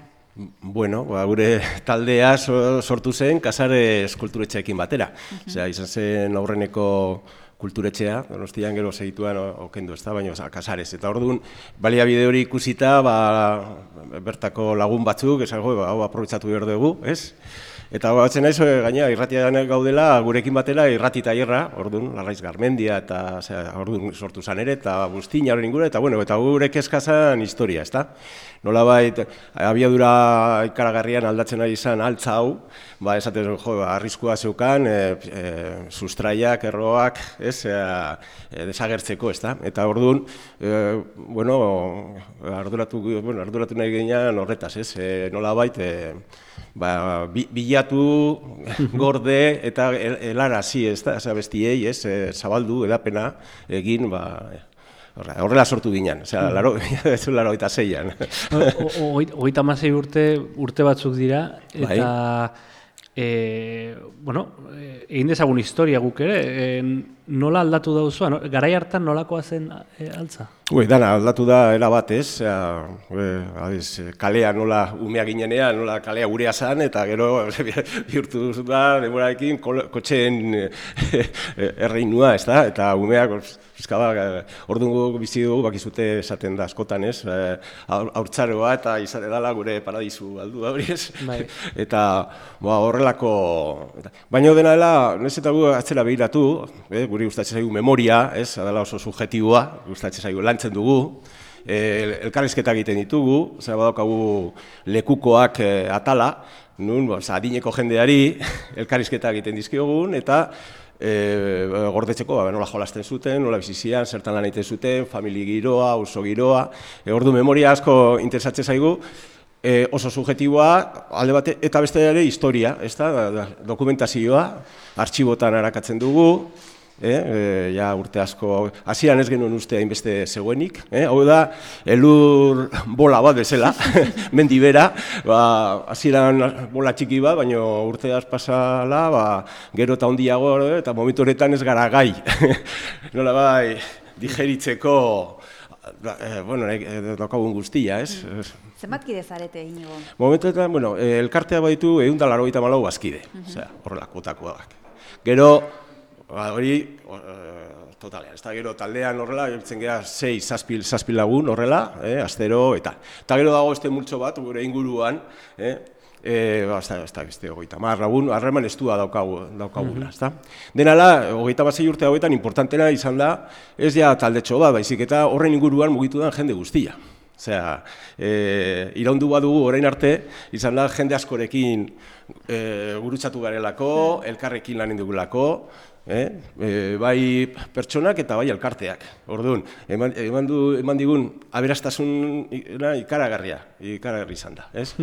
Eta hori guztia saiatzen gara, eh, ezagutarazten, esan dizu esan bezala lehen, ez? Eta daukagu, bueno, hori, e, bildu ditugun dokumentuak, ezea, argazkiak, e, e, prentsako notiziak eta ja kontuatu ginean, o, internet zetorrenean, ara eraman behar genuela, ez? Mhm. Eta daukagu altza.info, elbidea, eta hor daukagu mazazpi mila dokumentu eskuragai, de, digitalizatuak.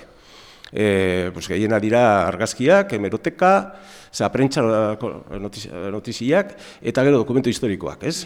Baina badaude ikusentzurezkoak, ere bai, eta zera, mapak, eta horrela. Mhm. Eta orduan eskuragarri hor. Memoria aipatu duzu, memoria da esan dezagun txamponaren alde bat, baina txampona bi alde ditu, me- memoriak beti ahaztura daka Claro. be- bestaldean, ez? Eta ahazten dugunak asko esaten du garenaz ere. E, zer, zer, zer eh, ahaztu zaigu galbae hortatik? Zer, zer hori zaigu galbae hortatik? Bueno, ez dakit, ez dakit, astu, bueno, bakizu, no, esan duzu subjetiboa, ez da, ordu nola bizi dugu gure harremana memoriarekin, batzuk, eh, bueno, ez diote hainbeste garrantzi ematen, ez, igual, jende gehiena, pues igual gizartea eman dezagun, ba, gaude sartuta abiadura batean, eta ez duz, esarak eskatzen gehiegi aurrekoaz, ez. Eh, Guk hasieran pentsatzen genuen igual, jendea gehiago eh, sartuko zala, ez, eta baina, bueno, eh, hori... Baina, bueno, eskuragarri, eskuragarri jartzen dezute, Bai. tresnak jartzen dituzue, eh, Bai. dokumentuak, eh, testigantzak, E, testigantzak, eta adibidez, saiatzen gara elikatzen hor blog bat, e, ja astean behin, bi astean behin, edukiekin, eta oso presente dago noski hori izan duguna historia, memoria. Gero gero saiatzen gara ere e, paseoak, eta, vamos, e, kontakto zuzenak bilatzen, eh? Osea, ez, ez gara konformatzen bakarri hor virtualean, eh? Osea, izugarrizkoa dala, oso ederra, baino saiatzen gara ere eh, ekitaldiak, Bai, ez, egutegia urtero argitaratzen dugu, aurten dugu sarrueta martutenen, ez, uste batzuk astuta zeukaten sarrueta pues, altzaren osea, eremu bazala. Osea, azken altze, alkate demokratikoa aukidula altza e, sarruetakoa zen. Osea, eh, aiesta.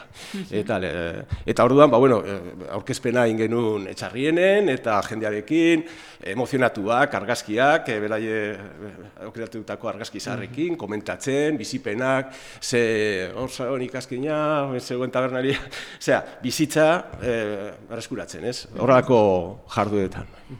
Bukatu baino lehen inigo gustatuko litzaiake aipatzea esieran esan dugun ekimen hori altzako tokiko bilduma. Bai. Kontatu labur zer den.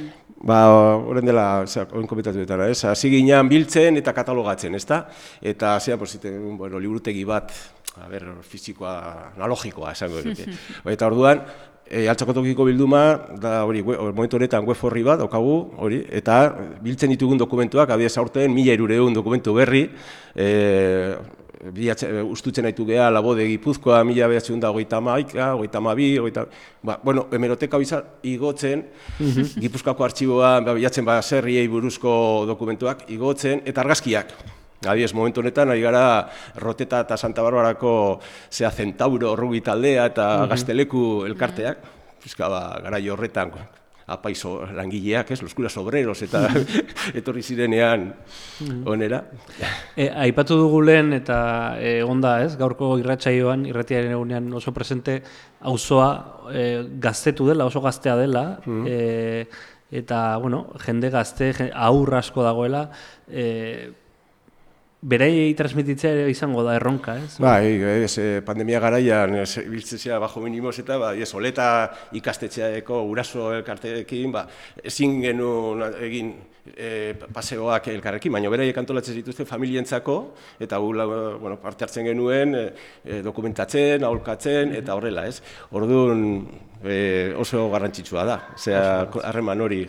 Bai, aria, aria ez da dila eten, aria, Ez? ez? Eta gainera, orain, e, agurtzeko inigo, abesti bat eskatu behar diogu, eta justu berak aukeratu du abesti bat, e, altzako, altzako mintegiaren webunean daukazuena, e, inigo, ze abesti aukeratu duzu? Bueno, aukeratu, bueno, eskatu zenizkiguten Bai. eta, eta gure bilduman gordeta euskagu, abiez, e, altzako itxaropen hautsotea, osea, Imanol Izazu zuzendari, baina, gero, osea, artxipi, eta, bueno, guretza garai horietan, pues esan impactantea, osea, entzutea beraiek, eta, bueno, osea, horiek. Eta gero, garai horretan, e, bi- bi mila eta bat inguruan, estrenatu zen kantautore Ana Pozas, e, orduan estrenatu zen kantautore bezala, eta orduan, ba, bueno, horietako, bai. Igual, e, ba, ama, jarriko dugu, otxotearena. Bai, oso ondo. Bale? Eskerrik asko inigo landa etortzeagatik. Eskerrik asko, eskerrik hurrengora zuei, arte. Vale, eskerrik asko.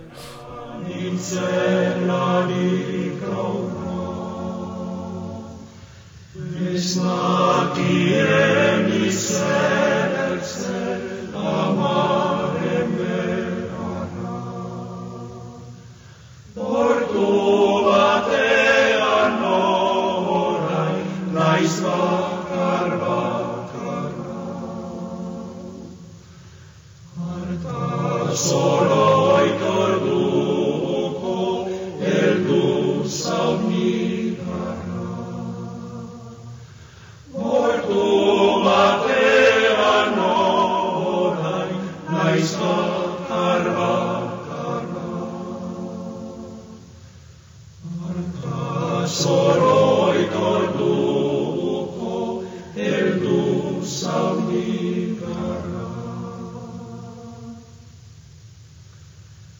Aspaldi du naizela zore txetik Segituan izango dira seiak oier. Nola pasa duzu arratsaldea? Primeran, primeran, eh, hemen eh, auzoan, auzoko jendearekin hizketan eta eta jende, bueno, ikasi dugu zerbait esango dugu, ez? Baina oraindik gelditzen zaigu zerbait ikasteko, ez? Bi gonbidatu ditugu hemen gurekin. Maia, maiaren bueltan daude. Hori da, Izko Lekona eta Josean Abezia, Pizarrain Euskara Elkarteko kideak dira biak. Arratsaldeon. Arratsaldeon. Arratsaldeon.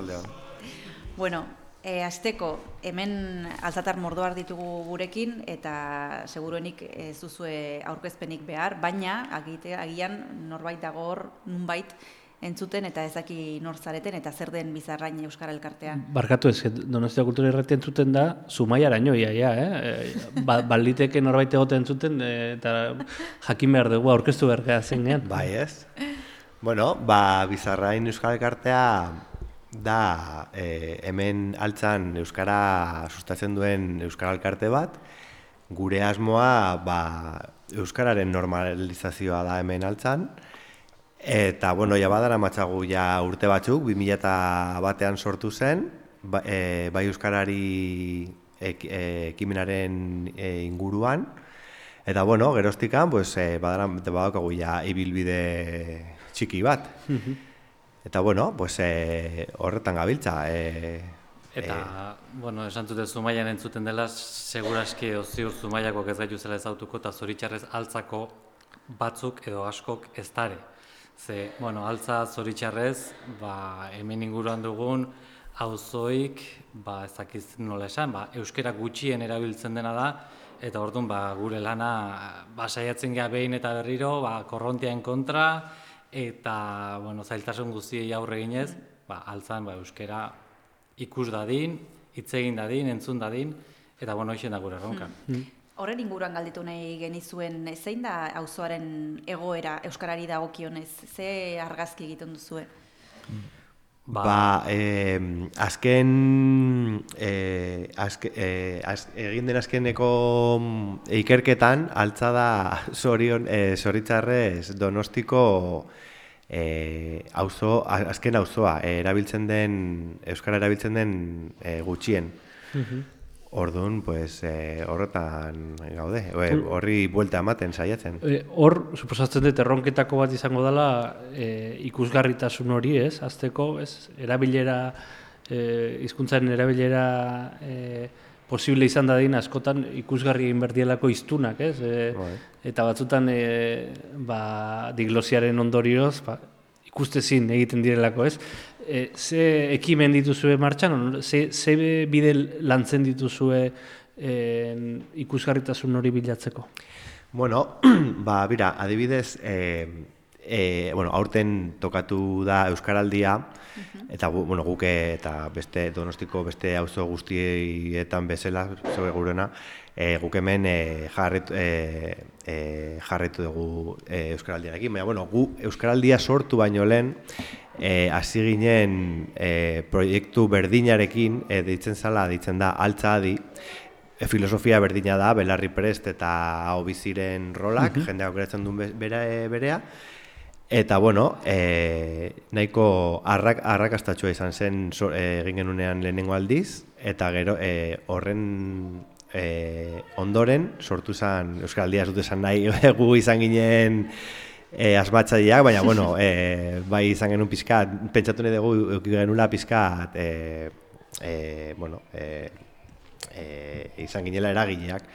Gero ere bai, e, ze, Euskara kalera eramateko e, nahiko arrakastatxua den ekitaldi bat da e, mintzalaguna. Donosti mailan ere badago da, badaude mintzalagun taldeak, bagera kantolatuta, baina guk ere Mhm. altzan nahi dugu guk gure auzoan eukitzea e, e, e, zea berdina, ez? Eta orduan baitu hainbat talde jendearekin eta kalera ateratzeko eta tabernetan eta bueno, e, toki hainbat tokietan euskara entzutea. Mhm. Eta e, belaunaldi berrietan ez da e, e, printzarik sumatzen e, pixka tonu, tonu positibo bat atetzeatik hemen, eh? Bai, eta triste hasi gara. E, e, badago... Bueno, ez, da, ez da tristura, ez da, eh? realidadia da, dagona, e, hau kartak eta Mhm. hauekin jolastu behar dugu. Bai, badago esperantzarik? Mm, Bueno, ez dago beste aukerik. E, lana egiten jarraitu behar dugu eta eta bai, saiakera hortan jarraitu behar dugu. Bai egia da, ba, altzan, ba hemen inguruan, ba, donosti alde hontan, e, iztun edo erabilera txikiena du, eta bai guk laguntza behar dugula. E, ez dare ez gea ikaragarrizko jende pila, gaztelaniaz hitz egiten duten hoien aldian, orduan ba, behar dugu guk laguntza, bisibilitatea emateko, eta bai, azken aldian ikusi duguna da ikastetxekin lan egin berra dola bai edo bai. Eta, bueno, ba, gure aldetikan bertso paper lehiaketa batzuk, bueno, helduan bertso paper lehiaketa amairugarren aldiz ingo da, eta ja aurten ingo da hirugarrena aurre eta gaztiena. Mhm. Ba, ikastetxekin lanian, eta behaiek ba, modu ludiko batean, ba, gelan lantzen dutenean bertsolaritza, ba, horrek, bueno, ba, gelatik eta herrian ba, parte hartu eta bertsoaruan parte hartzeko.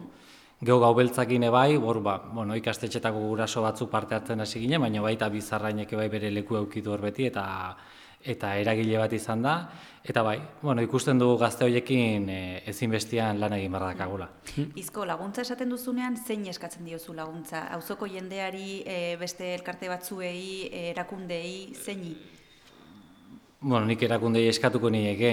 Eh, Erakundei esateko, bueno, a ver, SOS, altzan gaude, e, gure Euskalduna gea, e, bueno, euneko lau koma bost uste dut zela erabilera azken izun neurketan. E, bueno, nik uste alarma gorri bat badakagula piztua, eta, bueno, gu saiatzen gean arren lan egiten, ba, bueno, nik uste dut ezoiko ba, neurri batzuk hartu beharko zila altzan, seguraski beste lekutan, ba, premioi ez dutelako. E, Lehenai egon gara bertako ikasle batzuekin izketan, e, eta komentatzen ziguten, irakasle komentatzen ziguten, erronketako bat badela ere Euskara eskolatik ateratzea. Esan da, e, e, bueno, gazteek Euskara eskolako kontu bezala mm, jasotzetik, e, eskolatik kanpoko gauza ludikoagoetan ere, edo referentzialagoetan ere. Hoi ezinbestekoa da, ez? Euskeran presentzia eta kalean ikusi behar da, ez bakarrik kale izentegitan, baizik eta beste modu, mota batzutako ekintzetan. Lehen e, liburuteiko arduraduna edo egon da, eta beak gomendatu du liburu bat, e, gaztelania zen, Eta, bueno, nik bai eukin nun adidez liburutegiekin olako nire anekdotatxua, ez? Ba, adidez liburu gomendatuak lau apaletan agertzen dira, eta nik eskatu nion, ia, mesez bat apal bat reservatuko zen euskerarako, bueno, behintzat gure txokua. Ez nintzen ausartu bi eskatzea gehizko iruditzen zilako, inosan, bat, e, bueno, gaurriko nazenian erdi bat zeon, e, zatu, bueno, e, badago handikan gure aldetikan, bueno, balan egin beharra, e, inkostentiak edo olatuak eramaten gaitulako ba, euskera hemen ez ikustea. Bueno, ba, gu, gure partetik izpilu beltza e, islatu nahi duen ororentzat dago, beraz, e, e, nahi izatera zeuen ekimen berri eman edo gurekin kolaboratu, e, gu beti eskuzabaldi. Prest, ezta? hori da, prest. Eta honekin iritsi gara bukaerara, oier, e, Bai. irratiaren eguna ospatu dugu gaur, altzan, zuzenean, elkarrezketatu mordoa ekarri ditugu izpilu beltzara, eta izan ditugun solasaldiak e, balio izan digute, bai irratia, kulturretxea eta auzoa hobeto ezagutzeko. Bai.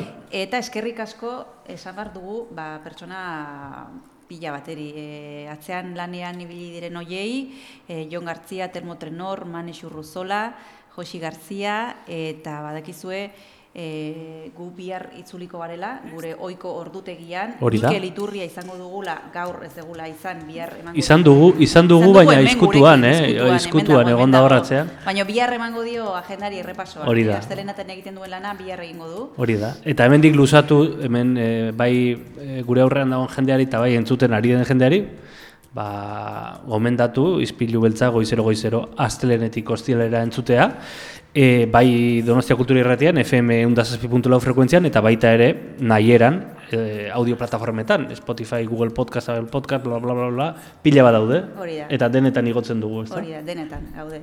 Eta gogoratu behar dugu bihar itzuliko garela Luis Fernando Pérez pianestarekin eta Kresala Zineklubeko Janet Diezekin Anaiz Bolperen entre las olas pelikularen inguruan arituko zaigula eta gainera esan dugun bezala Mikel Iturria ere bai. Gauza pila bat. Gauza pila bat. E, beraz, e, konektatu gurekin, izpilu beltzean, Donostia Kultura Irratian, eta eskerrik asko denoi, eskerrik asko gonbidatu bai. Bihar arte. Hurrengora arte. Eskerrik asko.